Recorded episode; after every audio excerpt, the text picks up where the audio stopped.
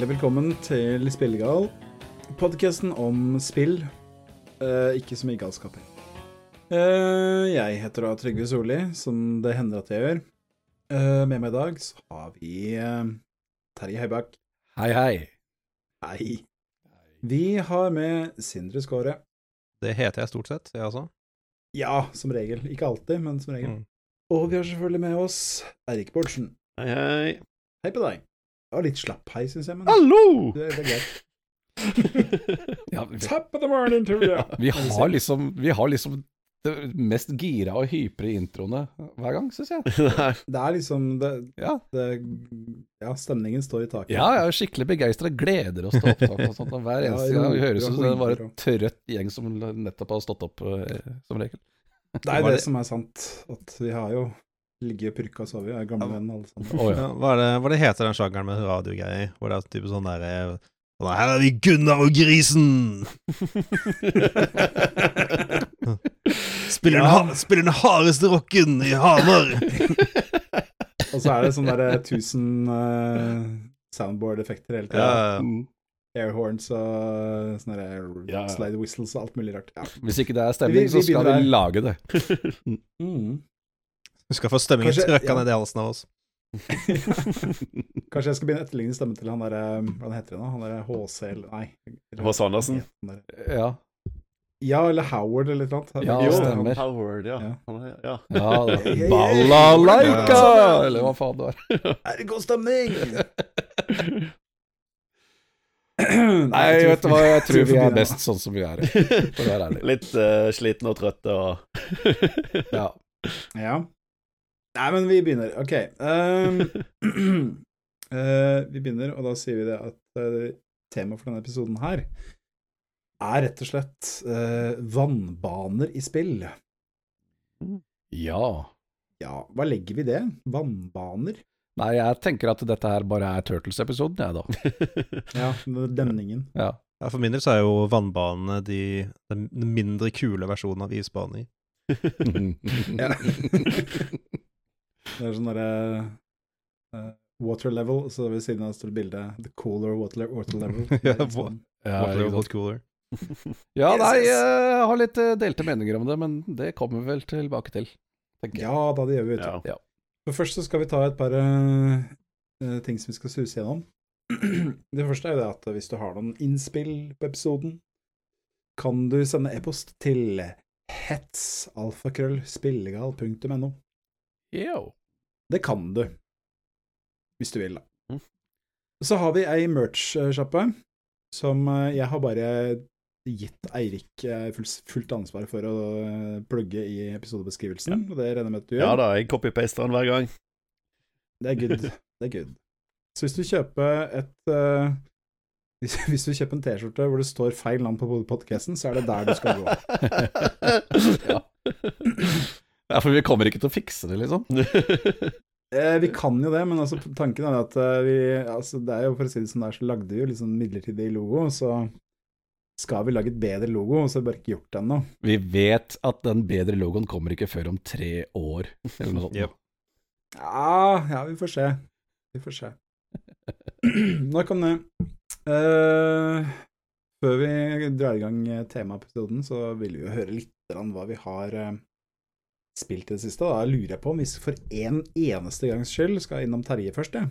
Ja. Wow. Skal, skal vi det? Det var ikke jeg forberedt. Du pleier liksom altså, For en gangs skyld så skal du begynne, siden det er du som styrer podkasten. Ja, det pleier jeg alltid å si, det er liksom sånn running gag, men akkurat Ja. nå skal vi for en gangs skyld innom deg. Så nå har du ødelagt alt at du ikke tok den på direkten, altså. det er greit. Ja, for du har faktisk Ja. ganske spennende spillnyheter, du. Ja, jeg har vært uh, ute og kjøpt meg en ny datamaskin. Mm. Oh. Gratulerer. Ah, er, det, Ja, det- er, det en, er det en I5 eller en I7, liksom?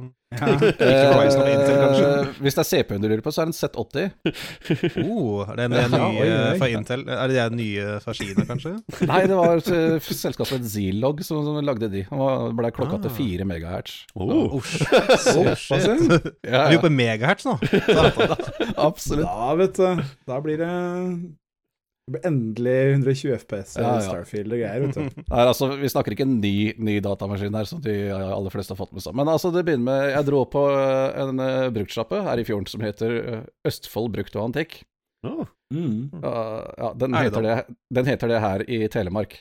Så jeg går, Ja, jeg ja, går ja. ut fra at det er mer enn bare den ene butikken, for nå har det vært rart. egentlig. bra gag. Men uh, ja, jeg bare sveipa gjennom der, Altså, der har de søren meg en Amstrad CPC 464 stående. Satan. Det er ikke noe du ser hver dag lenger, altså. Eller Da kan du endelig spille Bridget med den fantastiske musikken, kan du ikke det? Eh, jo, eh, når det kommer så langt. Så Nei, han hadde stående der med en monitor og eh, manualer og boksen og alt for eh, Han prisa den til 3500. Som Ja. jeg syns var eh, litt mye å bare mye. hive ut på impuls. Så så jeg blei stående og prate litt med ham, da, liksom gjorde det tydelig at jeg, dette her er en ting jeg er interessert i, og det er ikke en ting jeg bare kommer til å sette på hylla og ha til pynt, liksom. Her, her, her blir det brukt. Mm. Og det, det syns han var dritkult, så han kunne gå ned til 2008 da, på hele pakka. Nice. Som er Ja, bra. Det er jo svinbillig. Fordi de går for sånn 3500-4000 kroner på Finn. Ja, altså han visste hva han hadde, altså. Fordi jeg føler som bruktsjappa ofte priser ting på helt på måfå. Ja, ikke sant? Nei, Litt altså som da jeg kjøpte Commodore 64 til 700 spenn. Han hadde noen andre PC-er også stående der oppe, faktisk. Gamle PC-er. Så om det var 286 eller 386, vet jeg ikke. For jeg er helt ærlig, det er jeg ikke interessert i å ha. Nei, var det, var det med monitor, det, eller? Ja, det var det. Og de var prisa Hvor mye med var det du skulle ha for det? Det var sånn 7000 eller 8000 oppi der. Eh, Ok, Så, så vet du det. jeg vet det. Nei, altså Så Dette var en datamaskin som kom ut i England i 1984. Mm. Så uh, konkurrerte direkte med ZX Spectrum og Commodore 64 og sånt den gangen. Og var ikke en dårlig maskin, altså. Eh, Til å være det den var, for å si det sånn. Uh, Ja, fordi minn meg på igjen, var det Er det Amstad som var grunnlagt av en sånn engelsk lord eller noe? Det er noen sånne der hertugtitler eller et eller annet det- en av de. det er Spektrum, eller skal vi si Det blir litt fort innvikla, dette her. For, eh, Jo, jo, ok. nei, men altså, eh, det firmaet som produserte Spektrum-datamaskinen, het Sinclair. det var Og det. det, og det er Sir Clive Sinclair du snakker om der. Ja, men Ja. tenker også du tenker på Alan Sugar. Ja. Riktig, det var det. Det er Lord- Lord Sugar. for det er Alan M. Sugar Trading. Å er ja, ok. ok, Så ja, jeg har vært dårlig på å lese meg opp, ja. Akkurat. Mm. Oh! Men uh, det morsomme, skjønner du, er at uh, Amstrad kjøpte opp uh, Sinclair og datamaskinen bare et par år seinere, i 1986. Mm. Og fra da av så var det samme firma som ga ut både Amstrad og Spektrum-datamaskinene i de videre åra. Dette er det jo eh, noen filmer om, er det ikke det? Eh, Micromen og sånn noe. Ja, Det er stemmer. Det er laga dokumentar om denne der eh, krigen der. Mm. Stemmer det. Mm, mm. Eller dramatisert dokumentar, da. Ikke Ja, ja, Ja. det er det. Nei, alt er sant. Yes. Men uh, ja, det, det som er litt kult, er at det, det er uh, Den har 64 kom ram, som uh, en Commodore 64 også hadde. Men Det eh, denne, det Spektrum og den, eh, Denne Z80-prosessoren, den hadde Spektrumen også, ikke sant? Og det Spektrum og Amstrad kunne skryte av overfor Commodore 64, var at den CPU-en var klokka raskere enn den det Commodore 64 hadde. Var det liksom det, egentlig Mm. det eneste de hadde på den.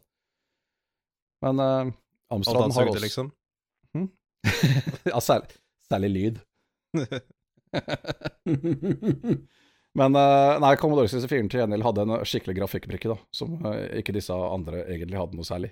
Så CPU-en der sånn måtte gjøre mye av grafikkjobben som Commodore 64 ikke trengte. Så dermed Det blir, ble, litt sånn hipp som happ. Var dette kanskje en sånn periode hvor folk så på grafikkort litt som en gimmick, liksom? Bare sånn Æ, trenger man det, ja? CPU-en gjør jo alt sjøl, da. Ikke sant? Det, var liksom det du skulle programmere. Alt skulle foregå på én chip, ikke sant. Det er helt riktig. Så det var i grunnen ganske revolusjonerende, det, når eh, datamaskinene kom med flere brikker. Spesialiserte brikker.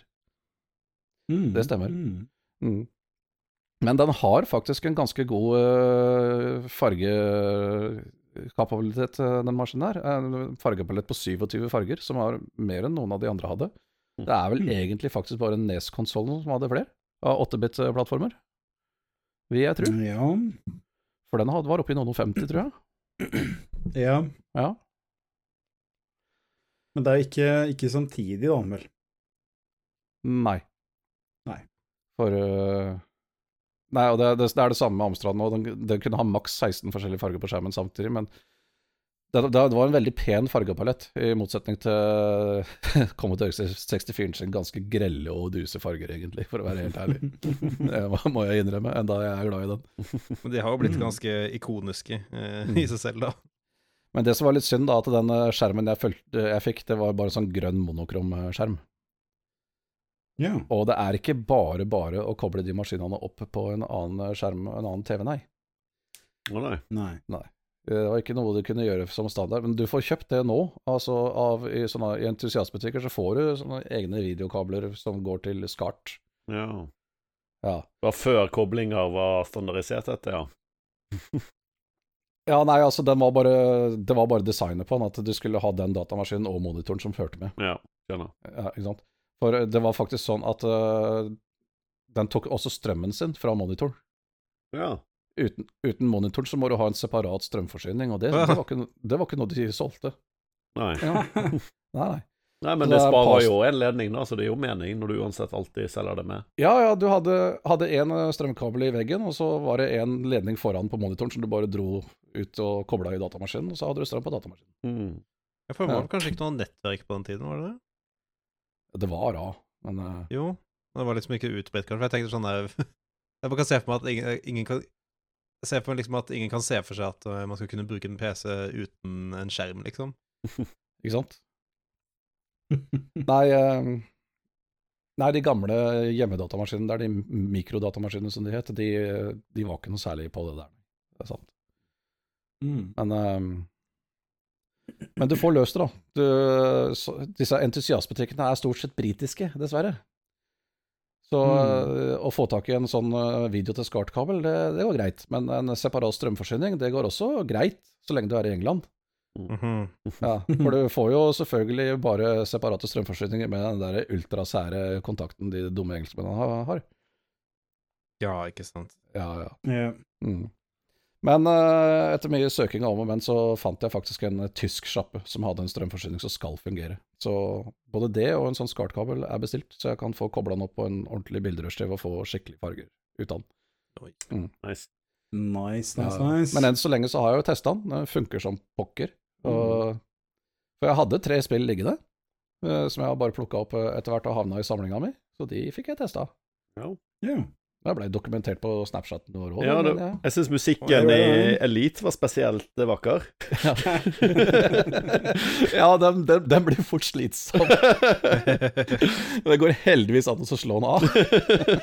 I, i spillet òg, også, ikke bare slå den i lyden. Lyden brukte en, en standard lydbruker som uh, veldig mange plattformer brukte på den tida, som het AI. Det er den samme som Spektrum hadde.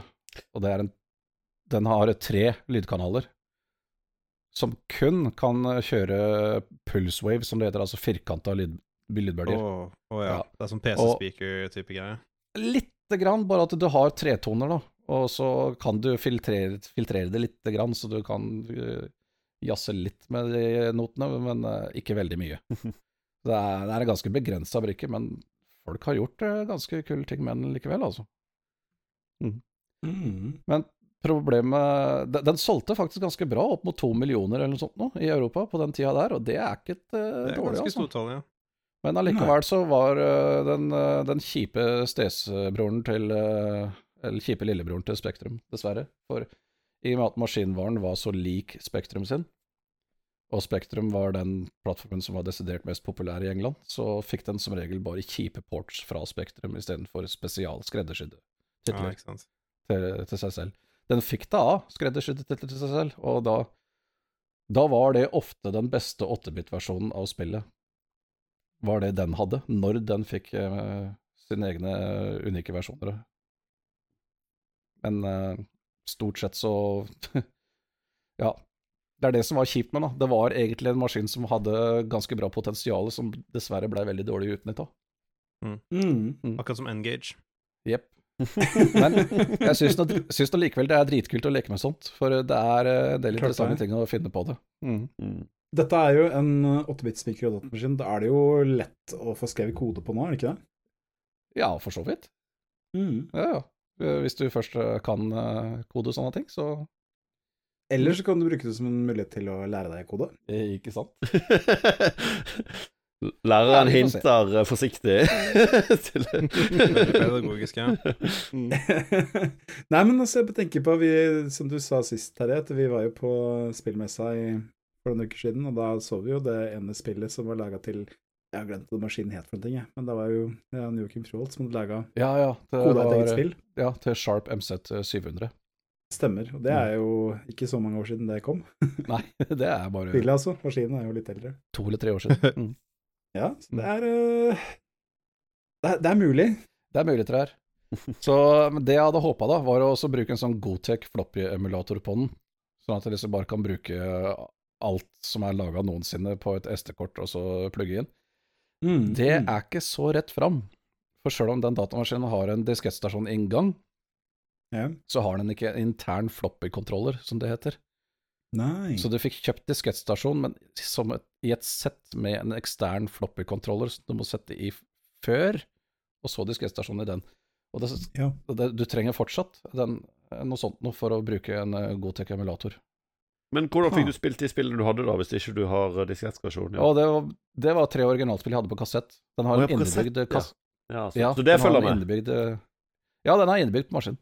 Det fins ikke en SD-kortleser til kassett eh, med sånn fake magnet på den eller sånn. det hadde vært det. Eh, ja, noe sånt noe, kanskje. Men eh, Åh, Nei da, etter masse googling på nett, så er det, det er en eh, polakk faktisk som har laga et uh, kjekksak som eh, er en sånn Godtech-lignende dings som du bare kletter i baki der, som løser hele problemet.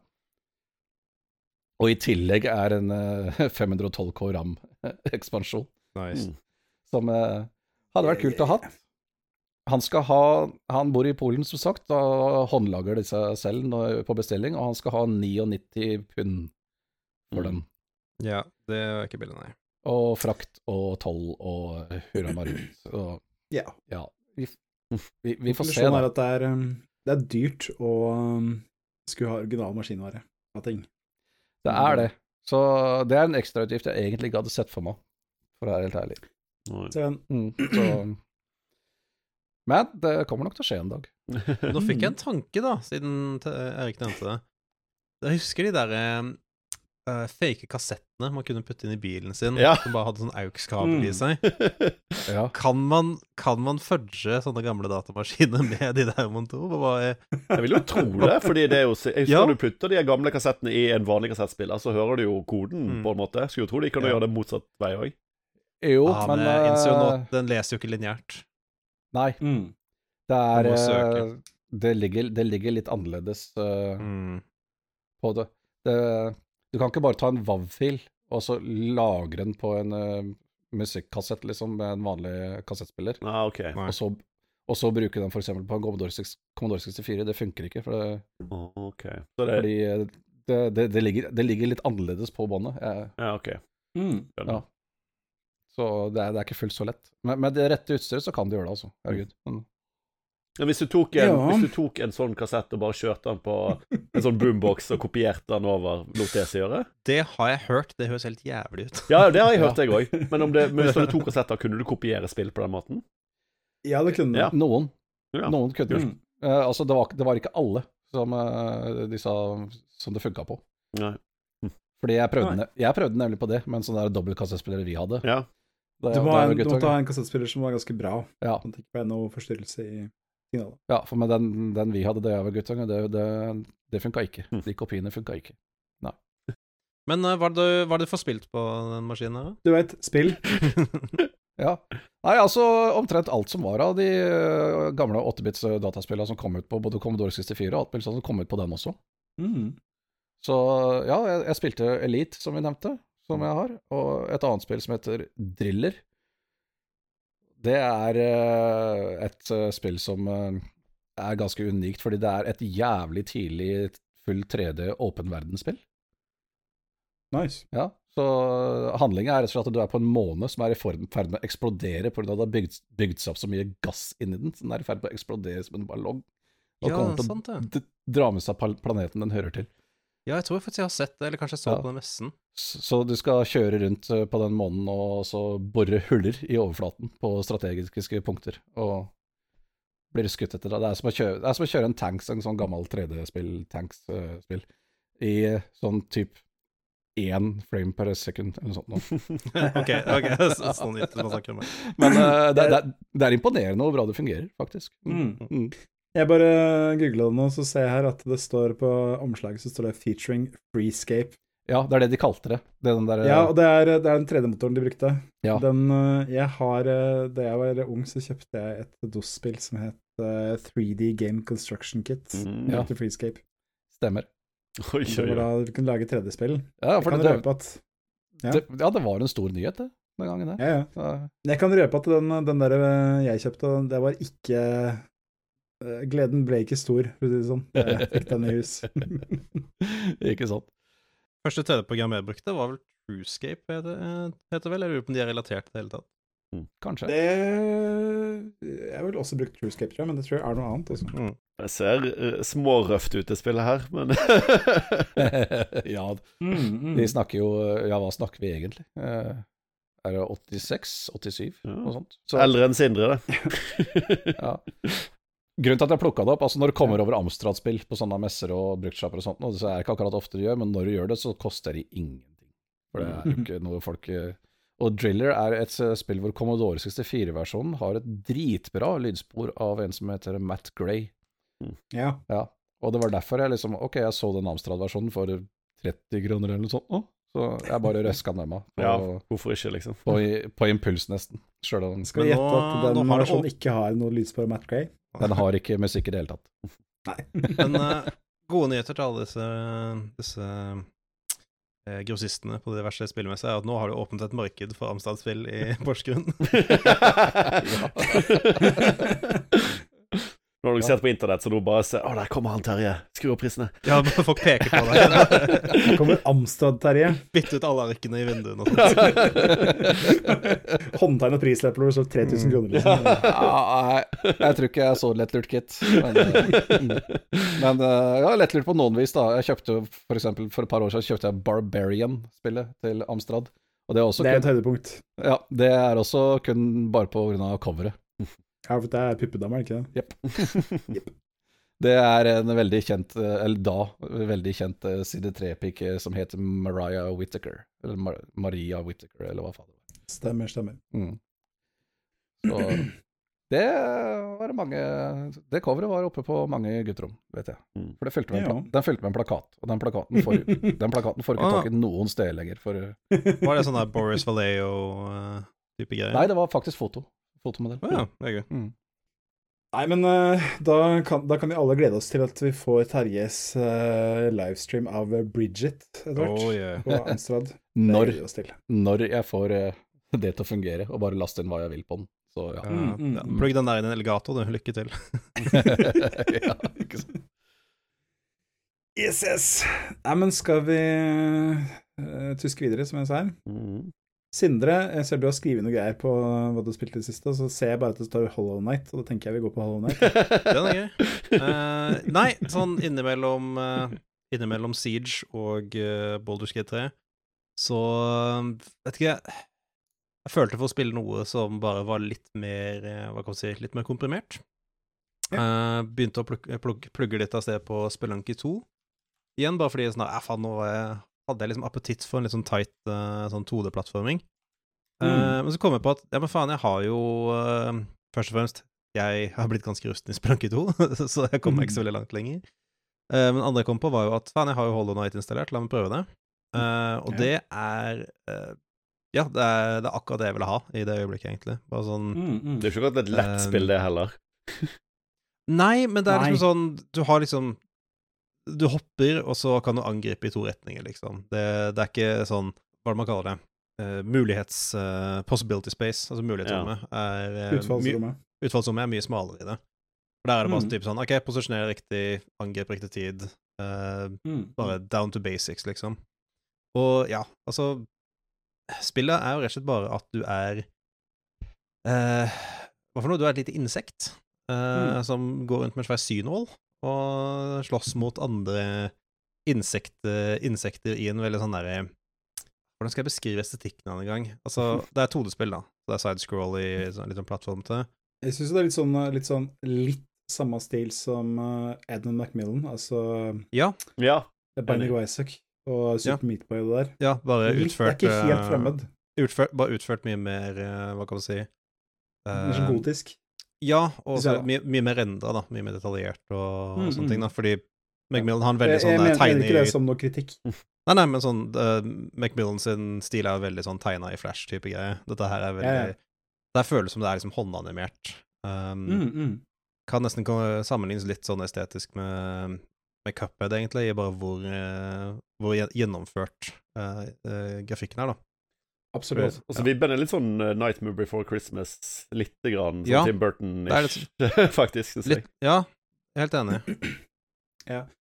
Jeg, jeg, det jeg likte veldig godt med Hollow Night, var det at det var veldig, sånn, det er veldig atmosfærisk. Og det er, det er veldig sånn derre De kjører den Souls-greia med at du utforsker verden, og du vet liksom ikke helt hva egentlig som har foregått, og hva du kommer til å møte. Mm. Men det er noe som foregår.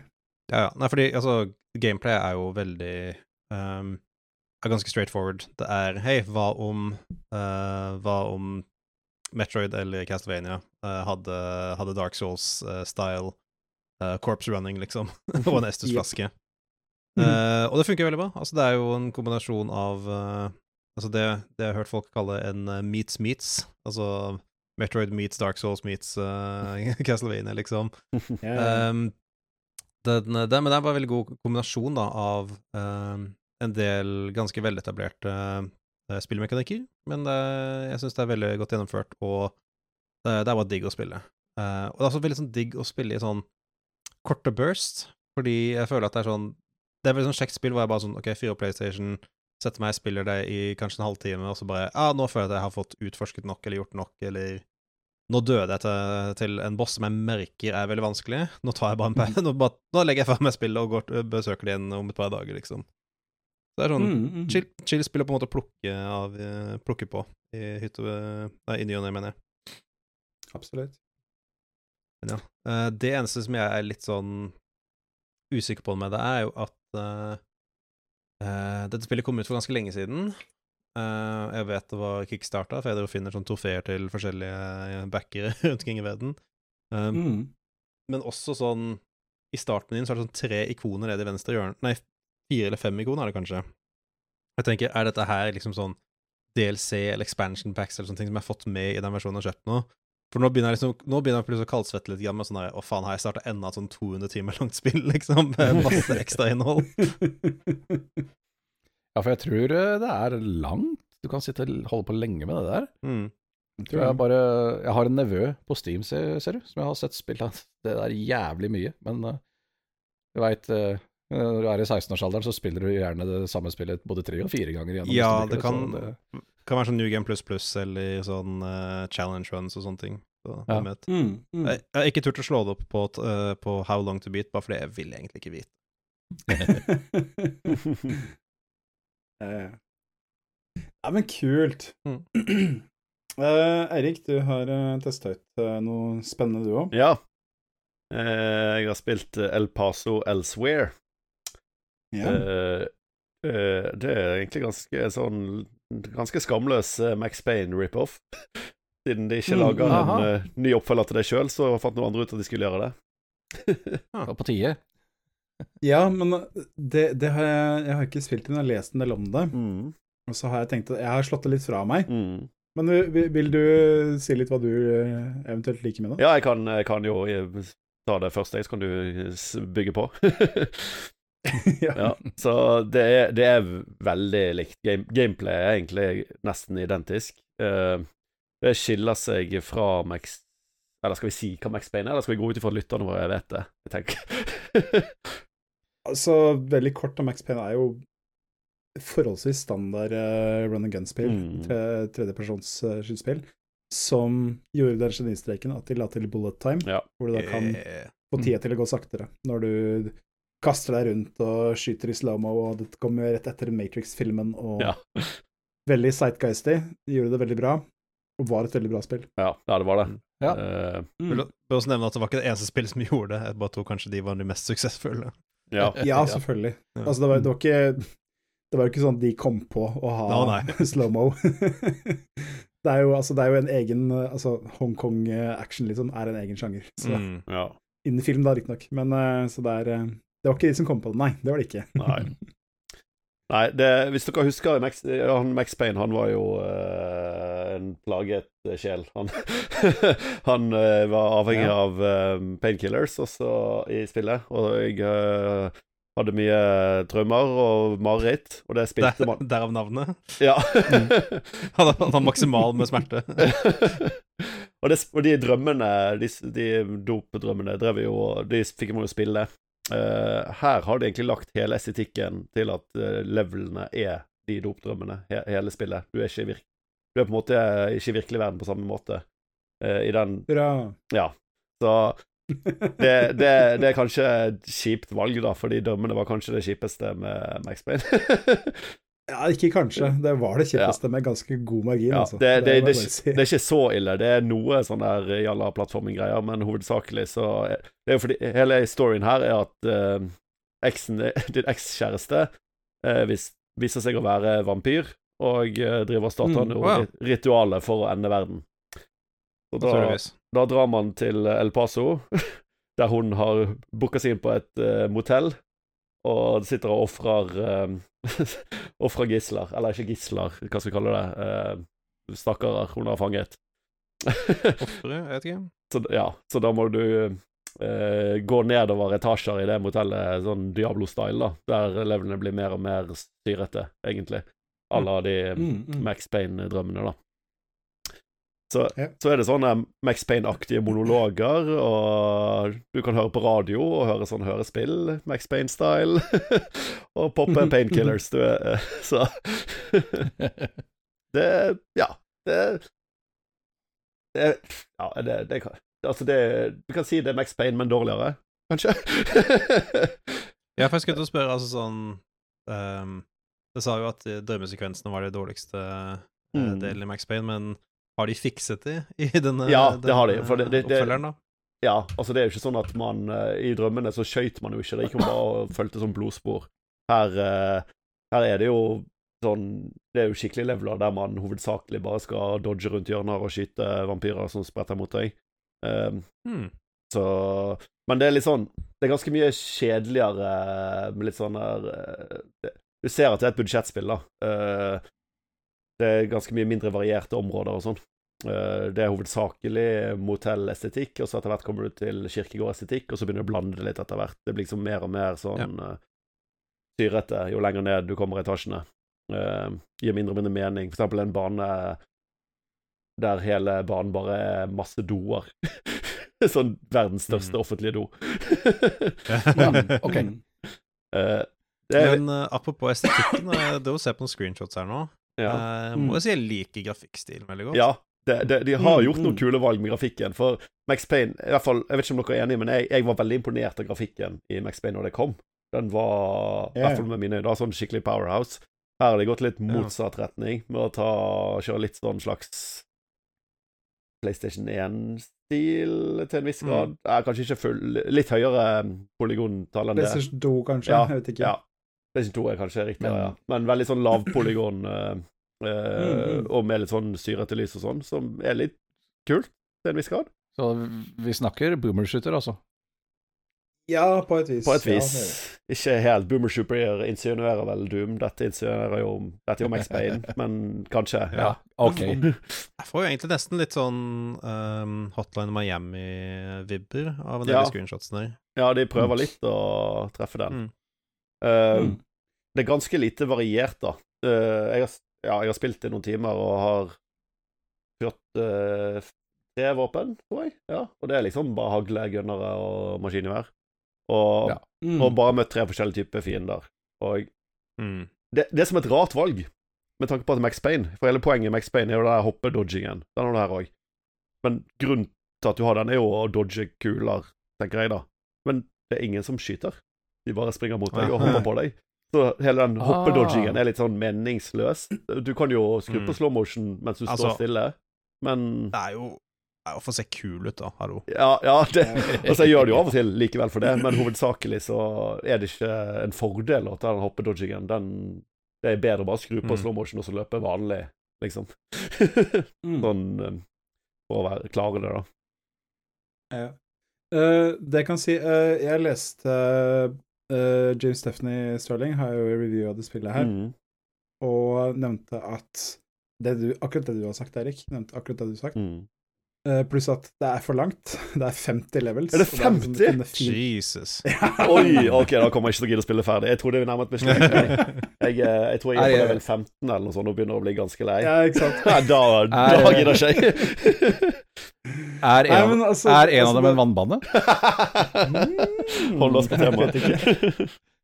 Nei, men det, det er det. Men ja, altså liksom at det er veldig janky og veldig sånn um, det, det, har, det liksom gjør mye gærent. Men Ja. det som gjorde meg interessert, var at uh, hen sa at historien var ekstremt bra skrevet.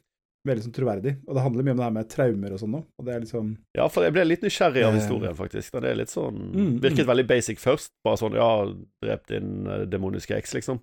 Men så kommer det sånn drypp, da, hva, hva som leder til dette, og sånne ting, og hva dine traumer er, hvorfor du popper painkillers og sånn. Painkillers. Så jeg ble Ja. litt interessert. Mm. Ja, det er liksom det, det, det, det inntrykket jeg fikk, var at det var skrevet veldig Altså, det var veldig sånn relaterbart for en som har på en måte gått gjennom en del traumer i sitt eget liv. Mm. Uh, og veldig sånn nyansert og veldig sånn godt skrevet. Mm. Så det er jo en, et stort pluss, men uh, ja. Uh, 50 baner med sånn delvis janky monsterskyting høres ikke like fett ut. Nei, Jeg det, jeg gikk jo ut ifra at det var et kortspill, siden det, kost, siden det tydelig tydelig lavbudsjett. Men det, det var jo kanskje, Mm. kanskje en stor antakelse. ja. De sparte alle pengene altså, sine på level design, ikke på eh, level, level making. ja. ja. yes. Nei, men eh, skal jeg bare si litt om hva jeg har spilt, og så koster vi på med et tema, kanskje? Ja, du kan få lov, du òg. Ja, ja, ja. Kjør på, kjør på. Tusen takk. Ja. Tusen takk. Hyggelig. hyggelig. Mm. Eh, jeg, kan nevne, jeg kan nevne to ting jeg er veldig kort. En ting er veldig kort, og så en litt mindre kort. Men uh, du snakka litt om litt sånn eldre maskiner, Terje, og litt sånn emulering og sånne ting. Ja. Um, en ting som irriterer meg en del, er det at jeg hadde jo en Xbox 360 som jeg likte veldig godt, um, som konka for to år siden, tror jeg. Mm. Ja, litt over to år siden er det. Og eh, da var jeg midt i en gjennomspilling av eh, et spill som heter Anarchy Reigns. Ah, ja. Ja, som er Platinum Games. Mhm. Det er en eh, semi-oppfølger til Mad World. Det er uh, super-janky, men det er også veldig artig. Uh, Men var ikke det multiplayer? Jo, det er veldig multiplayer-fokusert. Du kan gjette hvor lett det er å spille multiplayer. Det, det har vært noen gang å spille multiplayer på det spillet. Mhm. Det er nesten umulig, så lenge det spillet har eksistert. Men eh, det, det er ikke så farlig. Det, det, det som irriterer meg, er at jeg kjøpte en Xbox Series X for jeg tenkte at ja, den har jo backwards compatibility, som er fint, og da kan den jo spille de gamle spillene mine. Nei, bare noen få. Mm. Ikke Mm. deriblant Anarchy Reigns. Men heldigvis da så har vi kommet så langt her i verden at en moderne PC klarer helt fint å emulere en Xbox 360. Jeg har spilt Anarchy Reigns på PC. Oi. Ja. Det, det eh, Hvis du er interessert i emulere Xbox 360, så er det bare å laste ned en emulator som heter Xenia. X-E-N-I-A. Og da må du ha en ganske beefy PC, det skal sies. Ja, det var det jeg skulle til å si, at det er for de som har moderne PC. Ja, for det Eh, tror jeg ikke altså, min kan kalles lenger. Nei, nei. Altså, men det, den emul det er virkelig bare at du får en Xbox 360 på PC-en din. Det er ikke noe mer. Du, du kan stille på noen få grafikkinnstillinger, og så er det det eneste. Ja, ok. Så når du spiller Anarchy 1, så kjører det i samme framerate som Xbox 360 gjorde. uh, og det kan jeg avsløre at det var ikke, ikke solid eh, 30 FPS, altså. Det var det ikke.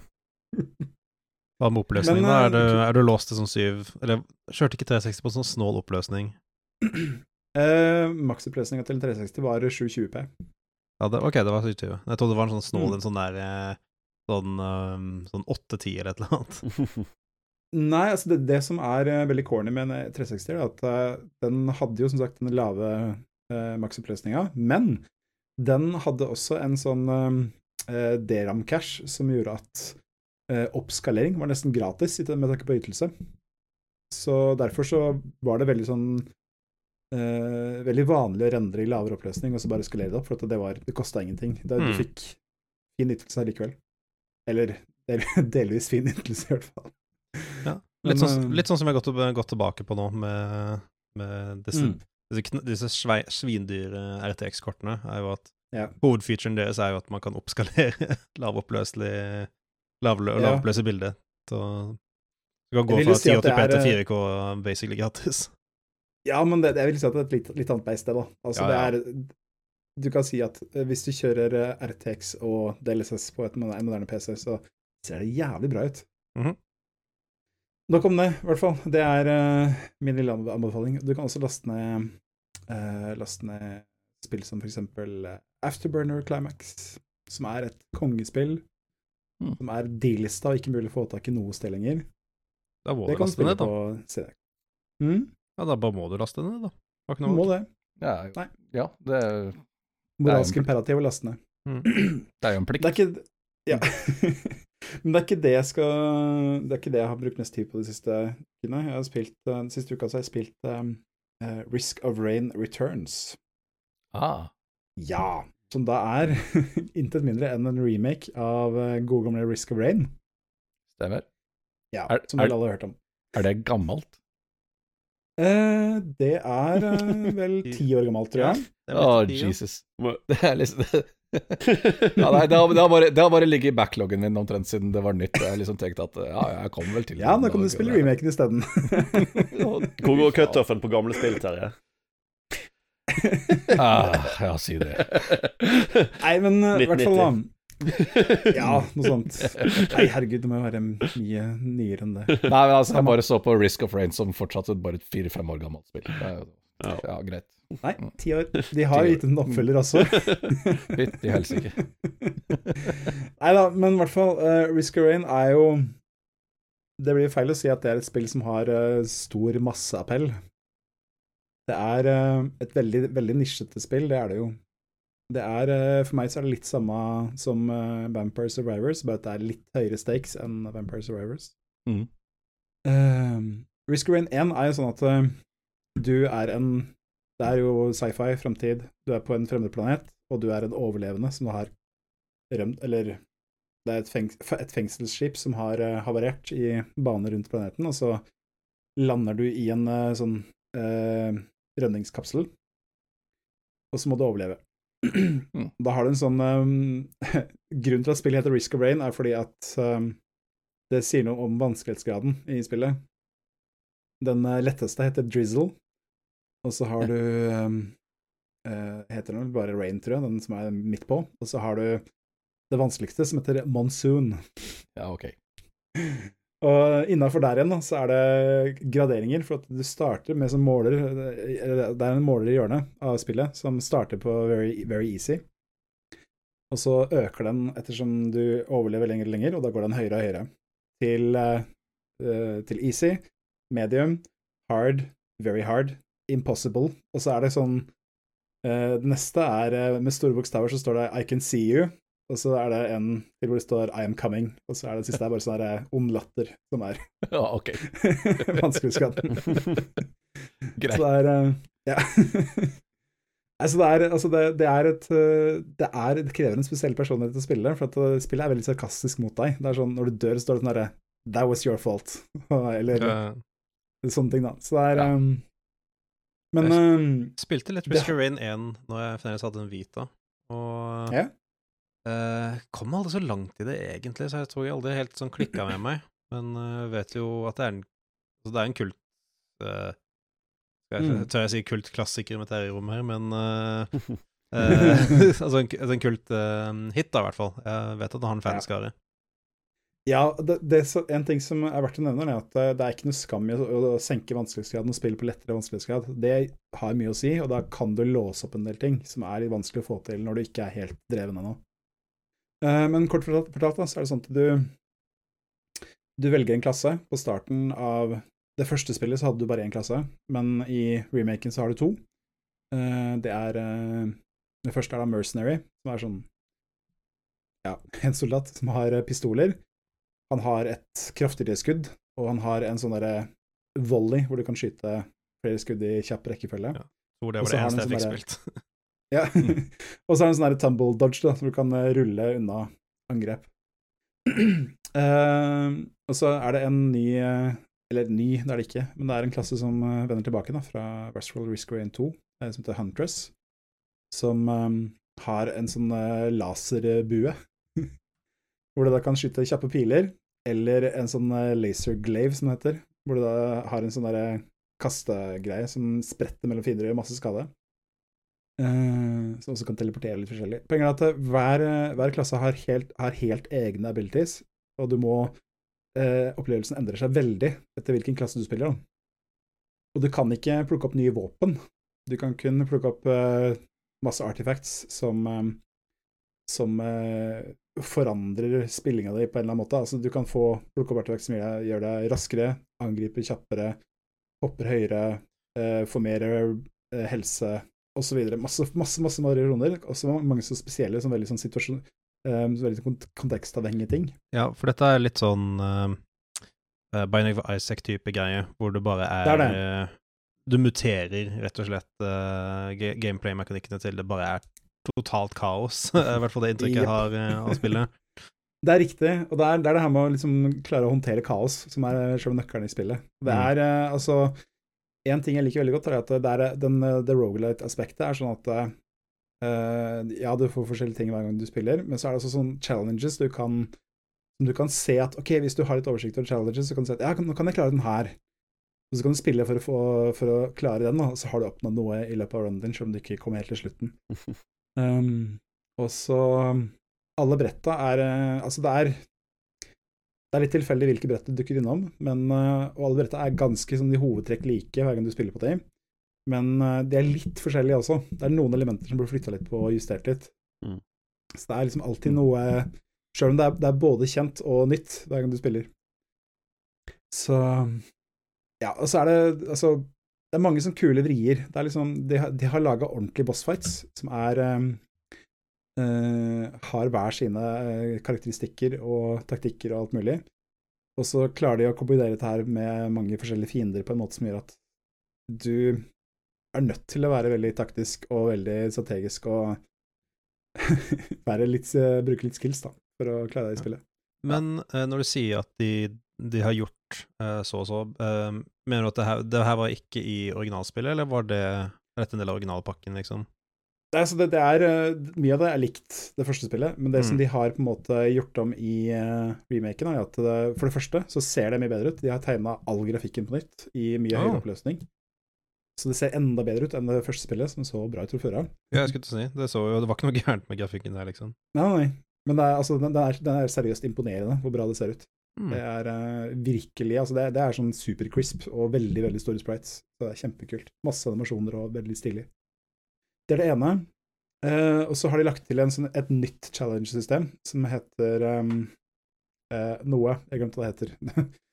det er sånn, I stedet for at du gjør det mens du spiller et vanlig run, så er det en egen kortmodus hvor du har et spesiallaga brett, hvor du skal eh, gjennomføre en hinderløype eller drepe et visst antall fiender eller gjøre noe spesielt. Og så får du en ability som belønning for det, som er permanent låst opp. Ja, Og da kan du Ja.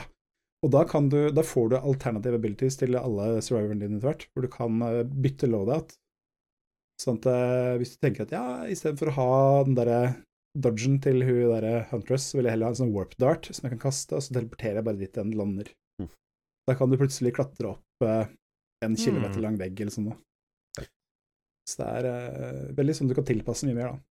Var det dette Så- som var kommet på Oja opprinnelig, eller blander jeg med noe annet? Tror ikke det. Ah, okay. Nei. Eh, Jeg skal ikke si det helt sikkert, men eh, jeg spilte det først på Steam, og det Ah, godt spiller jeg spørsmål. fortsatt på Ja. Steam. Ja, for det var noen få spill som var sånn uh, kun på Oja helt i starten, og så ja, det startet litt som sånn ship Oya- ganske fort. Ja, hva var det, da?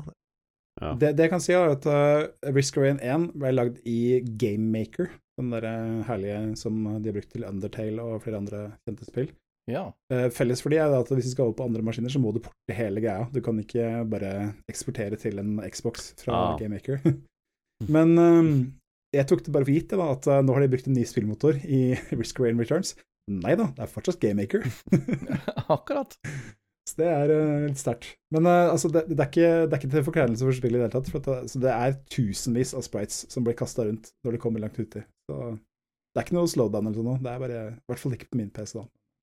Nei, men altså, GameMaker, Game er jo Altså, det er en nybegynnermotor for veldig mange. Altså, det er det mange starter med. Mm. Um, Mm. det er jo for all, all del en veldig um, kapabel motor, egentlig. Sånn særlig hvis du Ja skal gjøre to, uh, 2D-ting. Ja. Uh, godeste Godeste Flambeer har jo holdt seg til GameMaker eh, så lenge de eksisterte, og det, de lagde jo Ja, ja. ganske sånn De lagde jo ganske heseblesende greier med det, sånn som eh, Nuclear Throne og ja. og sånne ting. Mm. Ja, og det, det skal sies da at du merker veldig godt, altså sånn som Evelyn Beer, altså Nuclear Throne er et mesterverk. Det er sykt bra laga. Og der har, det- er laga av folk som kan GameMaker ut og inn. Uh, Risk Rain Returns er også laga av folk som kan GameMaker ut og inn. Det er, du, det er helt superslekk. Det er ikke noe Det er ikke noe jank i det hele tatt. Mm. Det er veldig proft. Så ja, hvis du liker eh, Hvis du liker uh, rogelights, hvis du liker eh, god gammeldags 2D side-scrolling action, så er Risk Risk Rain det er veldig kult. Jeg liker det veldig godt. Jeg burde gi Og så liker jeg også veldig godt at de har Jeg burde gi eh, Returns en sjanse, for jeg var jo interessert i det originalt, men uh, Mm. nå hadde Vitamin endte jeg bare på å spille uh, Stardew Valley i stedet, så Ja, jeg, jeg skjønner jo det. skjønner den beslutningen der. mm. Nei, men eh, det, det, det jeg også vil si, er at eh, jeg syns ikke, synes ikke de gjør noen ting at de har vendt tilbake til det første spillet. Eh, De har jo også Risk of Rain 2, som er et 3D-spill lagd i Unity, også er veldig, veldig bra. Men det er veldig forskjellig. Mm. Det er akkurat det samme mekanikkene, men det er fortsatt kjempeforskjellig å spille det. Ja, det ser Så- helt ugjenkjennelig ut. Ja, altså, ja, altså Hva skal en si? Det er Jeg vil ikke si noe negativt om Risk of Rain 2 heller, det er også kjempebra. Men det føles veldig forskjellig fra Risk of Rain 1 da, og Returns. Mm. Verdt å spille begge. Veldig, veldig bra spill. Mm. Jeps. Jips, da har vi kommet til temaet, har vi ikke det? Ja.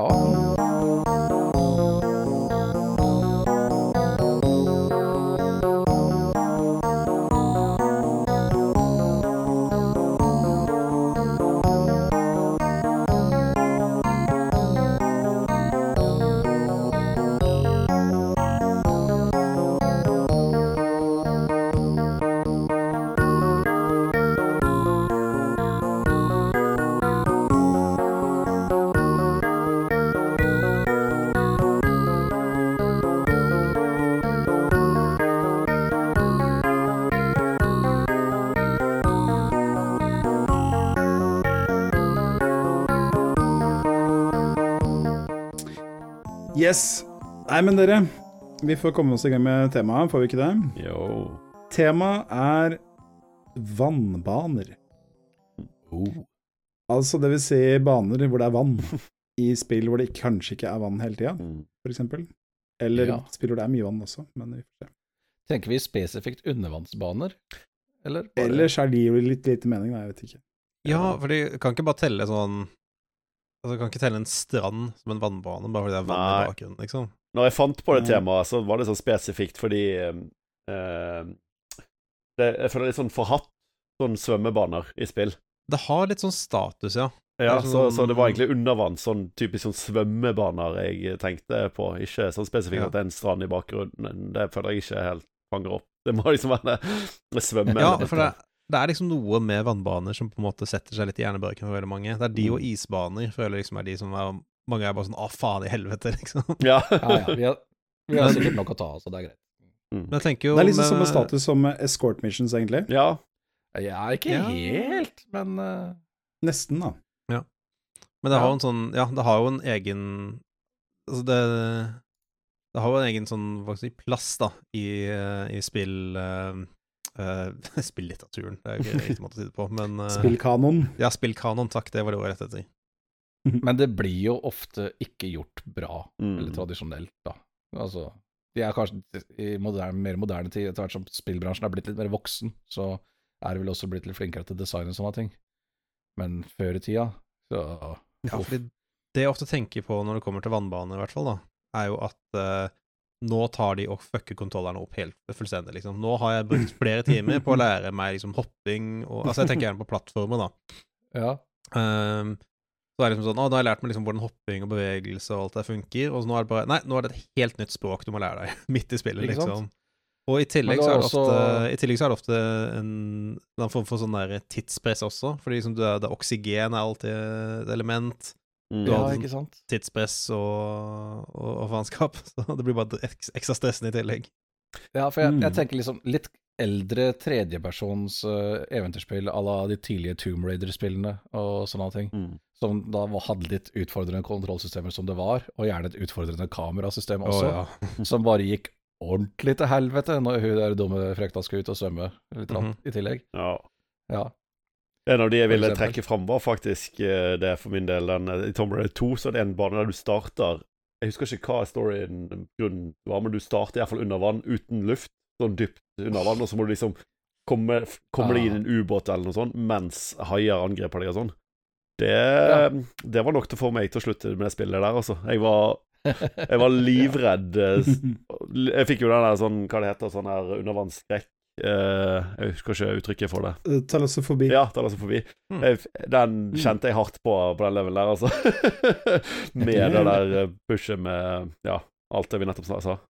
Fy faen. En annen Ja. type vannbane jeg også vil påpeke, er jo Det er jo ikke bare der hvor man må svømme under vann også, det er jo også eh, den sjanger vannbane hvor du er i et rom som fylles med vann, og så må du liksom eh, gjerne plattform oppover, da, eller klatre ut, Ja. eller finne en vei ut av mens vannet, vannet klatrer opp. Det vil jeg føle passer på en måte også litt inn i eh, samme kanon som disse svømmebanene. da. Ja, det er sant. Mm. Har vi noe eksempel? Jeg vet ikke, jeg har vært borti det, men jeg kommer ikke på noe eksempel. første jeg kom på, er Oi, nå ble jeg faktisk usikker, for jeg tenkte denne Mickeys uh, Adventure eller et eller annet. Den der 2D, Ja. det 2D-spillet til PlayStation. Det kunne jeg sverge på hadde en bane hvor det er eh, tårn som fylles med vann, men nå tenker jeg kanskje det er ild i stedet, når jeg faktisk tenker meg om. Ja. To veldig forskjellige elementer. Mm. ja, gameplay-messig så er det jo egentlig det samme. Ja, de begynner å gjøre det samme. Og så føler jeg òg vi kan skille på eh, det enten som vi snakket om, at kontrollen er helt fucket opp, eller så er det en del Mm. vannba mange spill som bare løser det med at du, du styrer akkurat som før. Du går på bunnen av havet, bare at alt er litt floaty og treigt. Mm. Eh, Ja, jeg har et uh, ganske bra eksempel der. Ja. Ja. Ja. Da, da tenker jeg på Megaman, ja. Mm. Eller, Eh, Du kan si at det mm? ja, eller eh, den, det, Vi kommer til å komme inn på det, men det der Water Temple, Selda, er jo veldig sånn, for eksempel. Mm. Tror det kanskje er det første tingen veldig mange av oss tenkte på når det er ah, vannbane. Ja, selvfølgelig er det vanntempelet. ja, ja, ja. Jeg, jeg, jeg visste vi kom til å komme inn på den. Mm. Men det jeg vil si angående vanntempelet i Ocarina of Time, da, er jo Det var, ikke vanndelen av det som gjorde at det tempelet var, var slitsomt. Det var jo at det på en måte Mekanikken i tempelet med disse etasjene som måtte flyttes på, og tempelet som måtte omorganiseres, var det som Det er det jeg husker var det mest eh, slitsomme med det tempelet der, for jeg bare gikk meg vill hele tiden. ja, altså det er verdt å understreke at det er ikke faktisk at tempelet må omorganiseres, men at du, du må stille på vannstanden.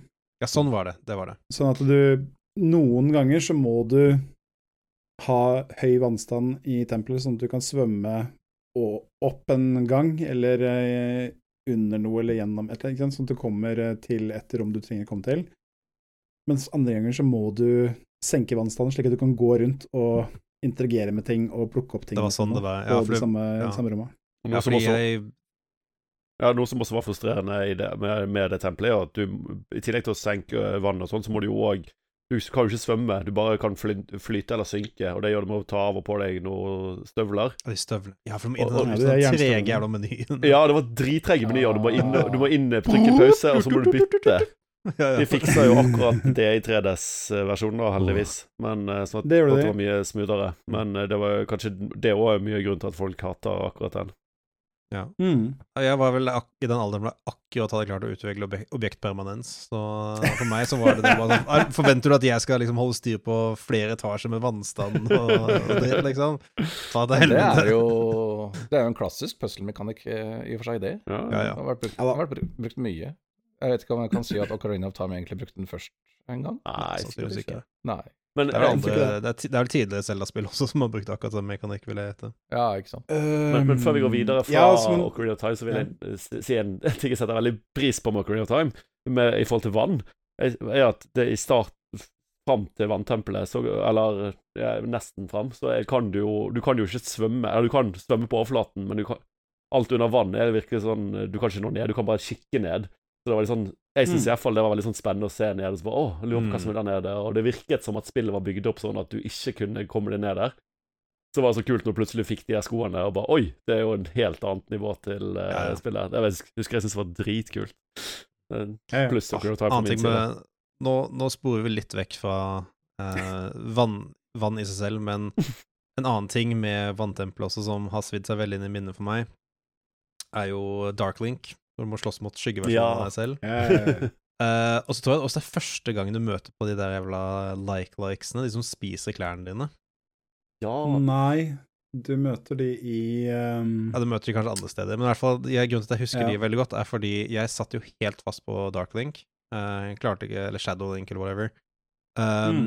Og så tar lillebroren min, Trym, han tar og spiller det på måfå. Han bare plukket opp saven min og bare tok og kødda litt rundt. Han Åh. klarer å slå Dark Link. Og det er ikke fordi han var så jævlig mye bedre enn meg i eh, Zelda, men det er fordi han ved et uhell oppdaget trikset med å slå Dark Link, og det er jo at du ikke Z-targeter han. Mm. For når du Z-targeter han, så tar han og speiler alle angrepene dine. Hvis du ikke gjør det, bare sveiver rundt deg vilt, så treffer du han helt fint. Så, så broren min bøtten meg til Dark Link, og så ble han med en gang spist av en like-like og mista den blå drakten min, og det ble sava, så da måtte jeg gå, da måtte jeg gå og grinde eh, rupees, og i tillegg oppgradere pengesekken min for å få råd til å kjøpe den blå drakten igjen, så jeg kunne fortsette med vanntempelet. Tusen takk, Trym, sa du da. Takk, Trym. Håper du hører på denne episoden her. Ja. ja, men bra. Det er, det er liksom sånne historier. Det er litt sånn uh, kos. Det er litt sånn god mat, syns jeg. Ja. Mm. ja. Jeg husker uh, kan, Hva skal jeg si Det første, første vannbanen jeg Altså, du kan si Det første som egentlig er liksom sånn ordentlig vannbane, er jo Super Mario Bros. At du Den er ikke sånn veldig spesiell. Det er bare sånn Ja, greit avbrekk, liksom. Mm. Det, det jeg kan si, er at uh, den første jeg husker sånn uh, som genuint var liksom ordentlig dritt, det er jo selvfølgelig Teenage Mutant eh, Ninja Turtles på NES. ja. Ja, den er jo mytisk. Det er den med de tidsbombene, Ja. ikke sant? Det er det, for at du, det, som, det som er eh, scenen her, da, er at du spiller Turtles, som er eh, selvfølgelig verdens kuleste spill, for at du er eh, du er ca. åtte år gammel og elsker Turtles. I like Turtles. Um, Vel, ikke Noen av oss var eldre, da. Men yes. Du har vært åtte år, vært åtte år gammel en gang du òg, da. Ja, jeg har det, Ja. men, da, men det var før Turtles. Ja da, i hvert fall. Du, du elsker Turtles i hvert fall, da. Eh, og så spiller du, og så er det, viser det seg at uh, Turtles-spillet er for det første veldig vanskelig. Ja. Så du, du, trenger å du trenger å jobbe litt for å komme deg gjennom første bane. Uh, og så klarer du det, og så får du beskjed fra April Ryan, heter det vel, at eh, em, det er montert noen eh, tidsinnstilte bomber på en demning. Det må du selvfølgelig ordne opp i. Mhm. Og da må du da svømme rundt eh, med en veldig, veldig kul musikk, da. Det skal sies. Det var Konami som lagde de spillene der. De var jo mestere på å lage musikk til NES. Um, men du kan ikke nyte musikken for mye, for du har dritdårlig tid på deg. Og så må du des- desimere alle bombene, eller så Du må finne alle bombene først, og da Hvis du klarer å svømme forbi bombene, for det er sånn eh, banen forgreiner seg, og det er noen steder så er det bare en eh, blindgate, og den andre, da må svømme tilbake igjen. Mens andre steder så er det bombe du må få med deg. Ja. Hvis du misser en, så klarer du det ikke, for at da sprenger bare hele dritten, for at du har ikke nok tid til å gå tilbake igjen. Så, Og men, men det er en bane som Du må bare prøve å feile litt, egentlig. Ja. For det, layouten på banen er ikke så avansert. Så bare du har prøvd den et par ganger, så har du liksom lært. Ja, men det, så- det, så- det som er ordentlig dritt med den, den banen, er at eh, hvis du spiller den nå, og så begynner du på den, eh, kommer dit, og så bare Ja, det er ikke så vanskelig. Og så er, er det jo det riktig, men du kommer etter hvert til et punkt hvor det er sånn derre sjøgress som er strømførende av en Ja. eller annen grunn. Akkurat som i virkeligheten. Mm. Ja, og det drar deg inn. Du blir liksom dratt mot det når du svømmer rundt. Og det er bare virkelig antimoro, altså. Det er eh, Jeg hater det så intenst. Ja, men jeg, altså, det er det jeg har, Dette er et av de nedspillene jeg har spilt. Spilt en del en gang i tida, faktisk. For yeah. vi var Søstera mi lånte en Nes-konsoll en periode, og det var et av spillene vi hadde. Mm. Så eh, jeg kan ikke huske den som spesielt mer vanskelig, den banen der, enn det resten av spillet var. Altså, hele spillet var vanskelig. så øh, greit nok. Det, Men, det er greit nok, men, Men, eh, som sagt så er det, det, er, øh, ja. det, er, det er så nådeløst at mm, det, er- for det som du sier, når du først driter deg ut der, så er det instakill. Det er, Ja. det er bare feil. Det, det, det er det kanskje som folk tenker på, at den banen er så frustrerende, for det så, den feiler deg så jævlig hardt. ja.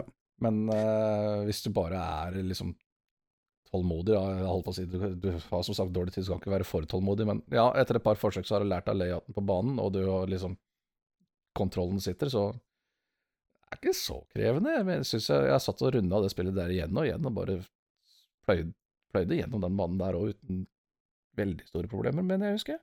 ja da, men som sagt så er det den første vannbanen jeg kan huske at det var skikkelig dritt, og den er skikkelig dritt.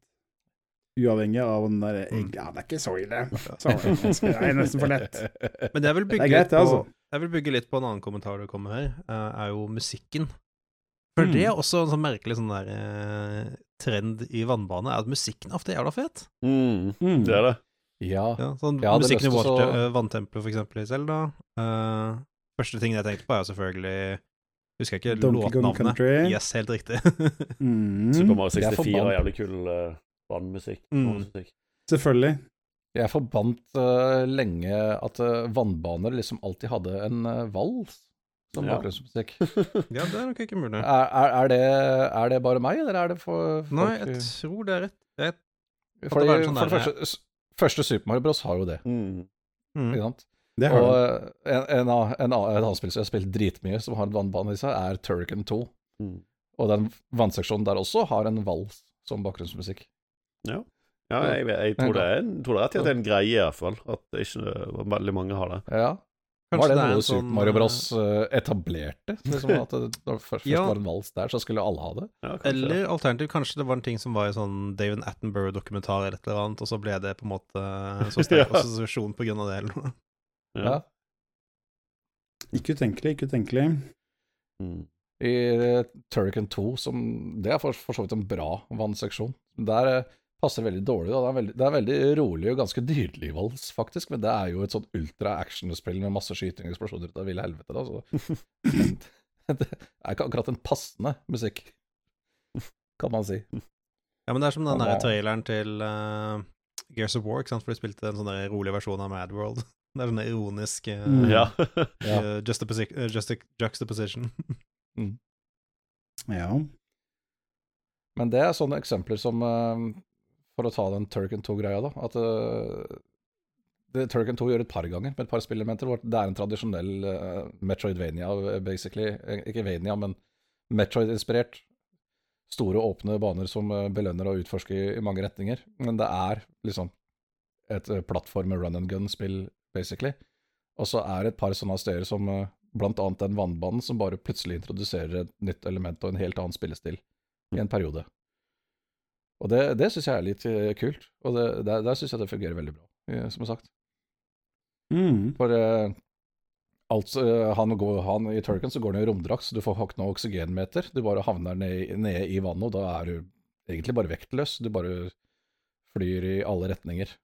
Det er jo 2D-plattformspill, selvfølgelig. Mm. Så ja, det er liksom som du har en jetpack, da, og bare flyr rundt og, ja, og svever rundt og skyter og Jeg syns den banen er jo Den delen er dritkul, Mm. egentlig. Jeg tror jeg aldri har spilt Turrican, men jeg har hørt på soundtracket. Fordi altså, Ja. ja. det er ganske, ganske kjent for å være bra musikk. Ja, det er jo Mm. det. Ja, han komponisten Hylsbeck han ser fortsatt på spesifikt Turrican 2-soundtracket som eh, hans magnum opus. Det er kult. den, den dag i dag det er noe av det beste han har gjort. Ja, ja, ja. Men, eh, men han sier også at det, det var bevisst den gangen han komponerte det. Han gikk faktisk all out, og det, det, det, dette skulle bli bra, liksom. Mm. Mm.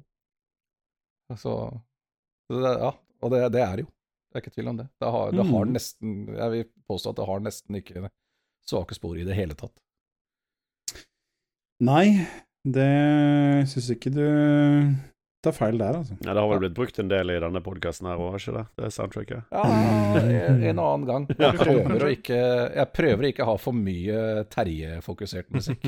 Fordi Ja, det er jeg som redigerer en del. Ja, det, det, det er noe av eh, for- fordelen med å ta på seg klipping, det er at man får lov til å Ja, skule jeg litt.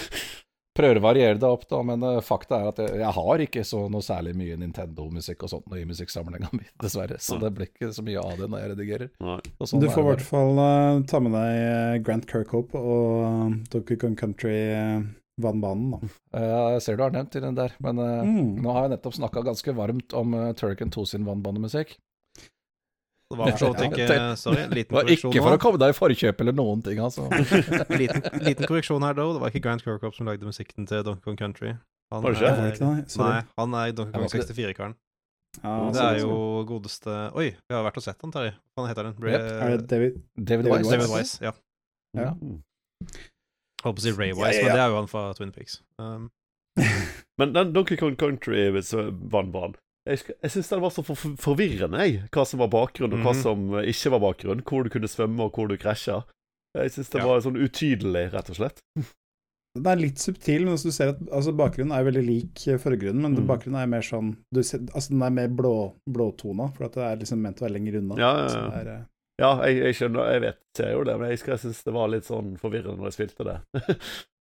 Men, det, men det, det er jo på en måte Det er litt av varemerket til Donkey Kong Country også. ja, det jo det. er, Og det ble eh, ekstra tydelig på vannbanen. Ja, ja. Men det er jo, altså det gikk jo for det Altså det var jo eh, Jeg føler at det var på en måte noe de etterstreba i det spillet. At det skulle nærme seg den litt mer sånn upresise Mm. følelsen ved et 3D-spill, ikke sant? Ja, jeg, jeg Istedenfor den der superskarpe pikselperfeksjonen i Mario, så skulle det heller være mer sånn flytende, Ja. Mer eh, sånn flowy Men, men, spillfølelse. men det, i- det var vel et valg de tok for å, for å få at det skulle være, få den 3D-filen. Jeg, jeg eh, mm. syns kanskje det Jeg ikke det. har aldri så bra, for å være helt ærlig. Jeg, jeg syns det er viktigere i et plattformspill at det er tydelig hvor du kan gå og ikke, enn at det mm. ser mm. og, det, og det, For det, samtidig så ser det jo ikke så bra ut som det gjorde da lenger, på en måte. Nei, det, det er for så vidt poeng. Det er, det er noe litt på sida, men Ja, det det er jo veldig på siden, for så vidt. merke seg det.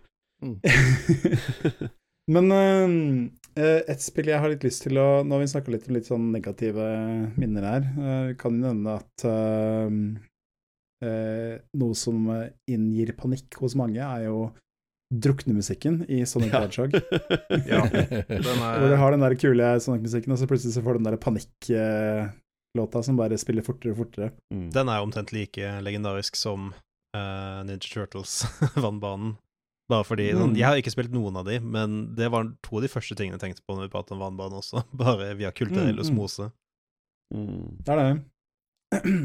Men uh, jeg tenkte jeg ville trekke fram et spill som gjør dette med undervann uh, ganske bra. Uh, det er et spill En av mine credits på Mobile Games som Oh. tester, det er Aquaria, uh, lagd av Derek Yu og um, Ja, nettopp. Ada Kaloka. Som, uh, Derek Yu er jo han som lagde Spelunky 1 og 2, blant andre spill. Mange mm. andre. Um, Aquaria er da en um, uh, Metroidvania, hvor du da styrer en havfrue.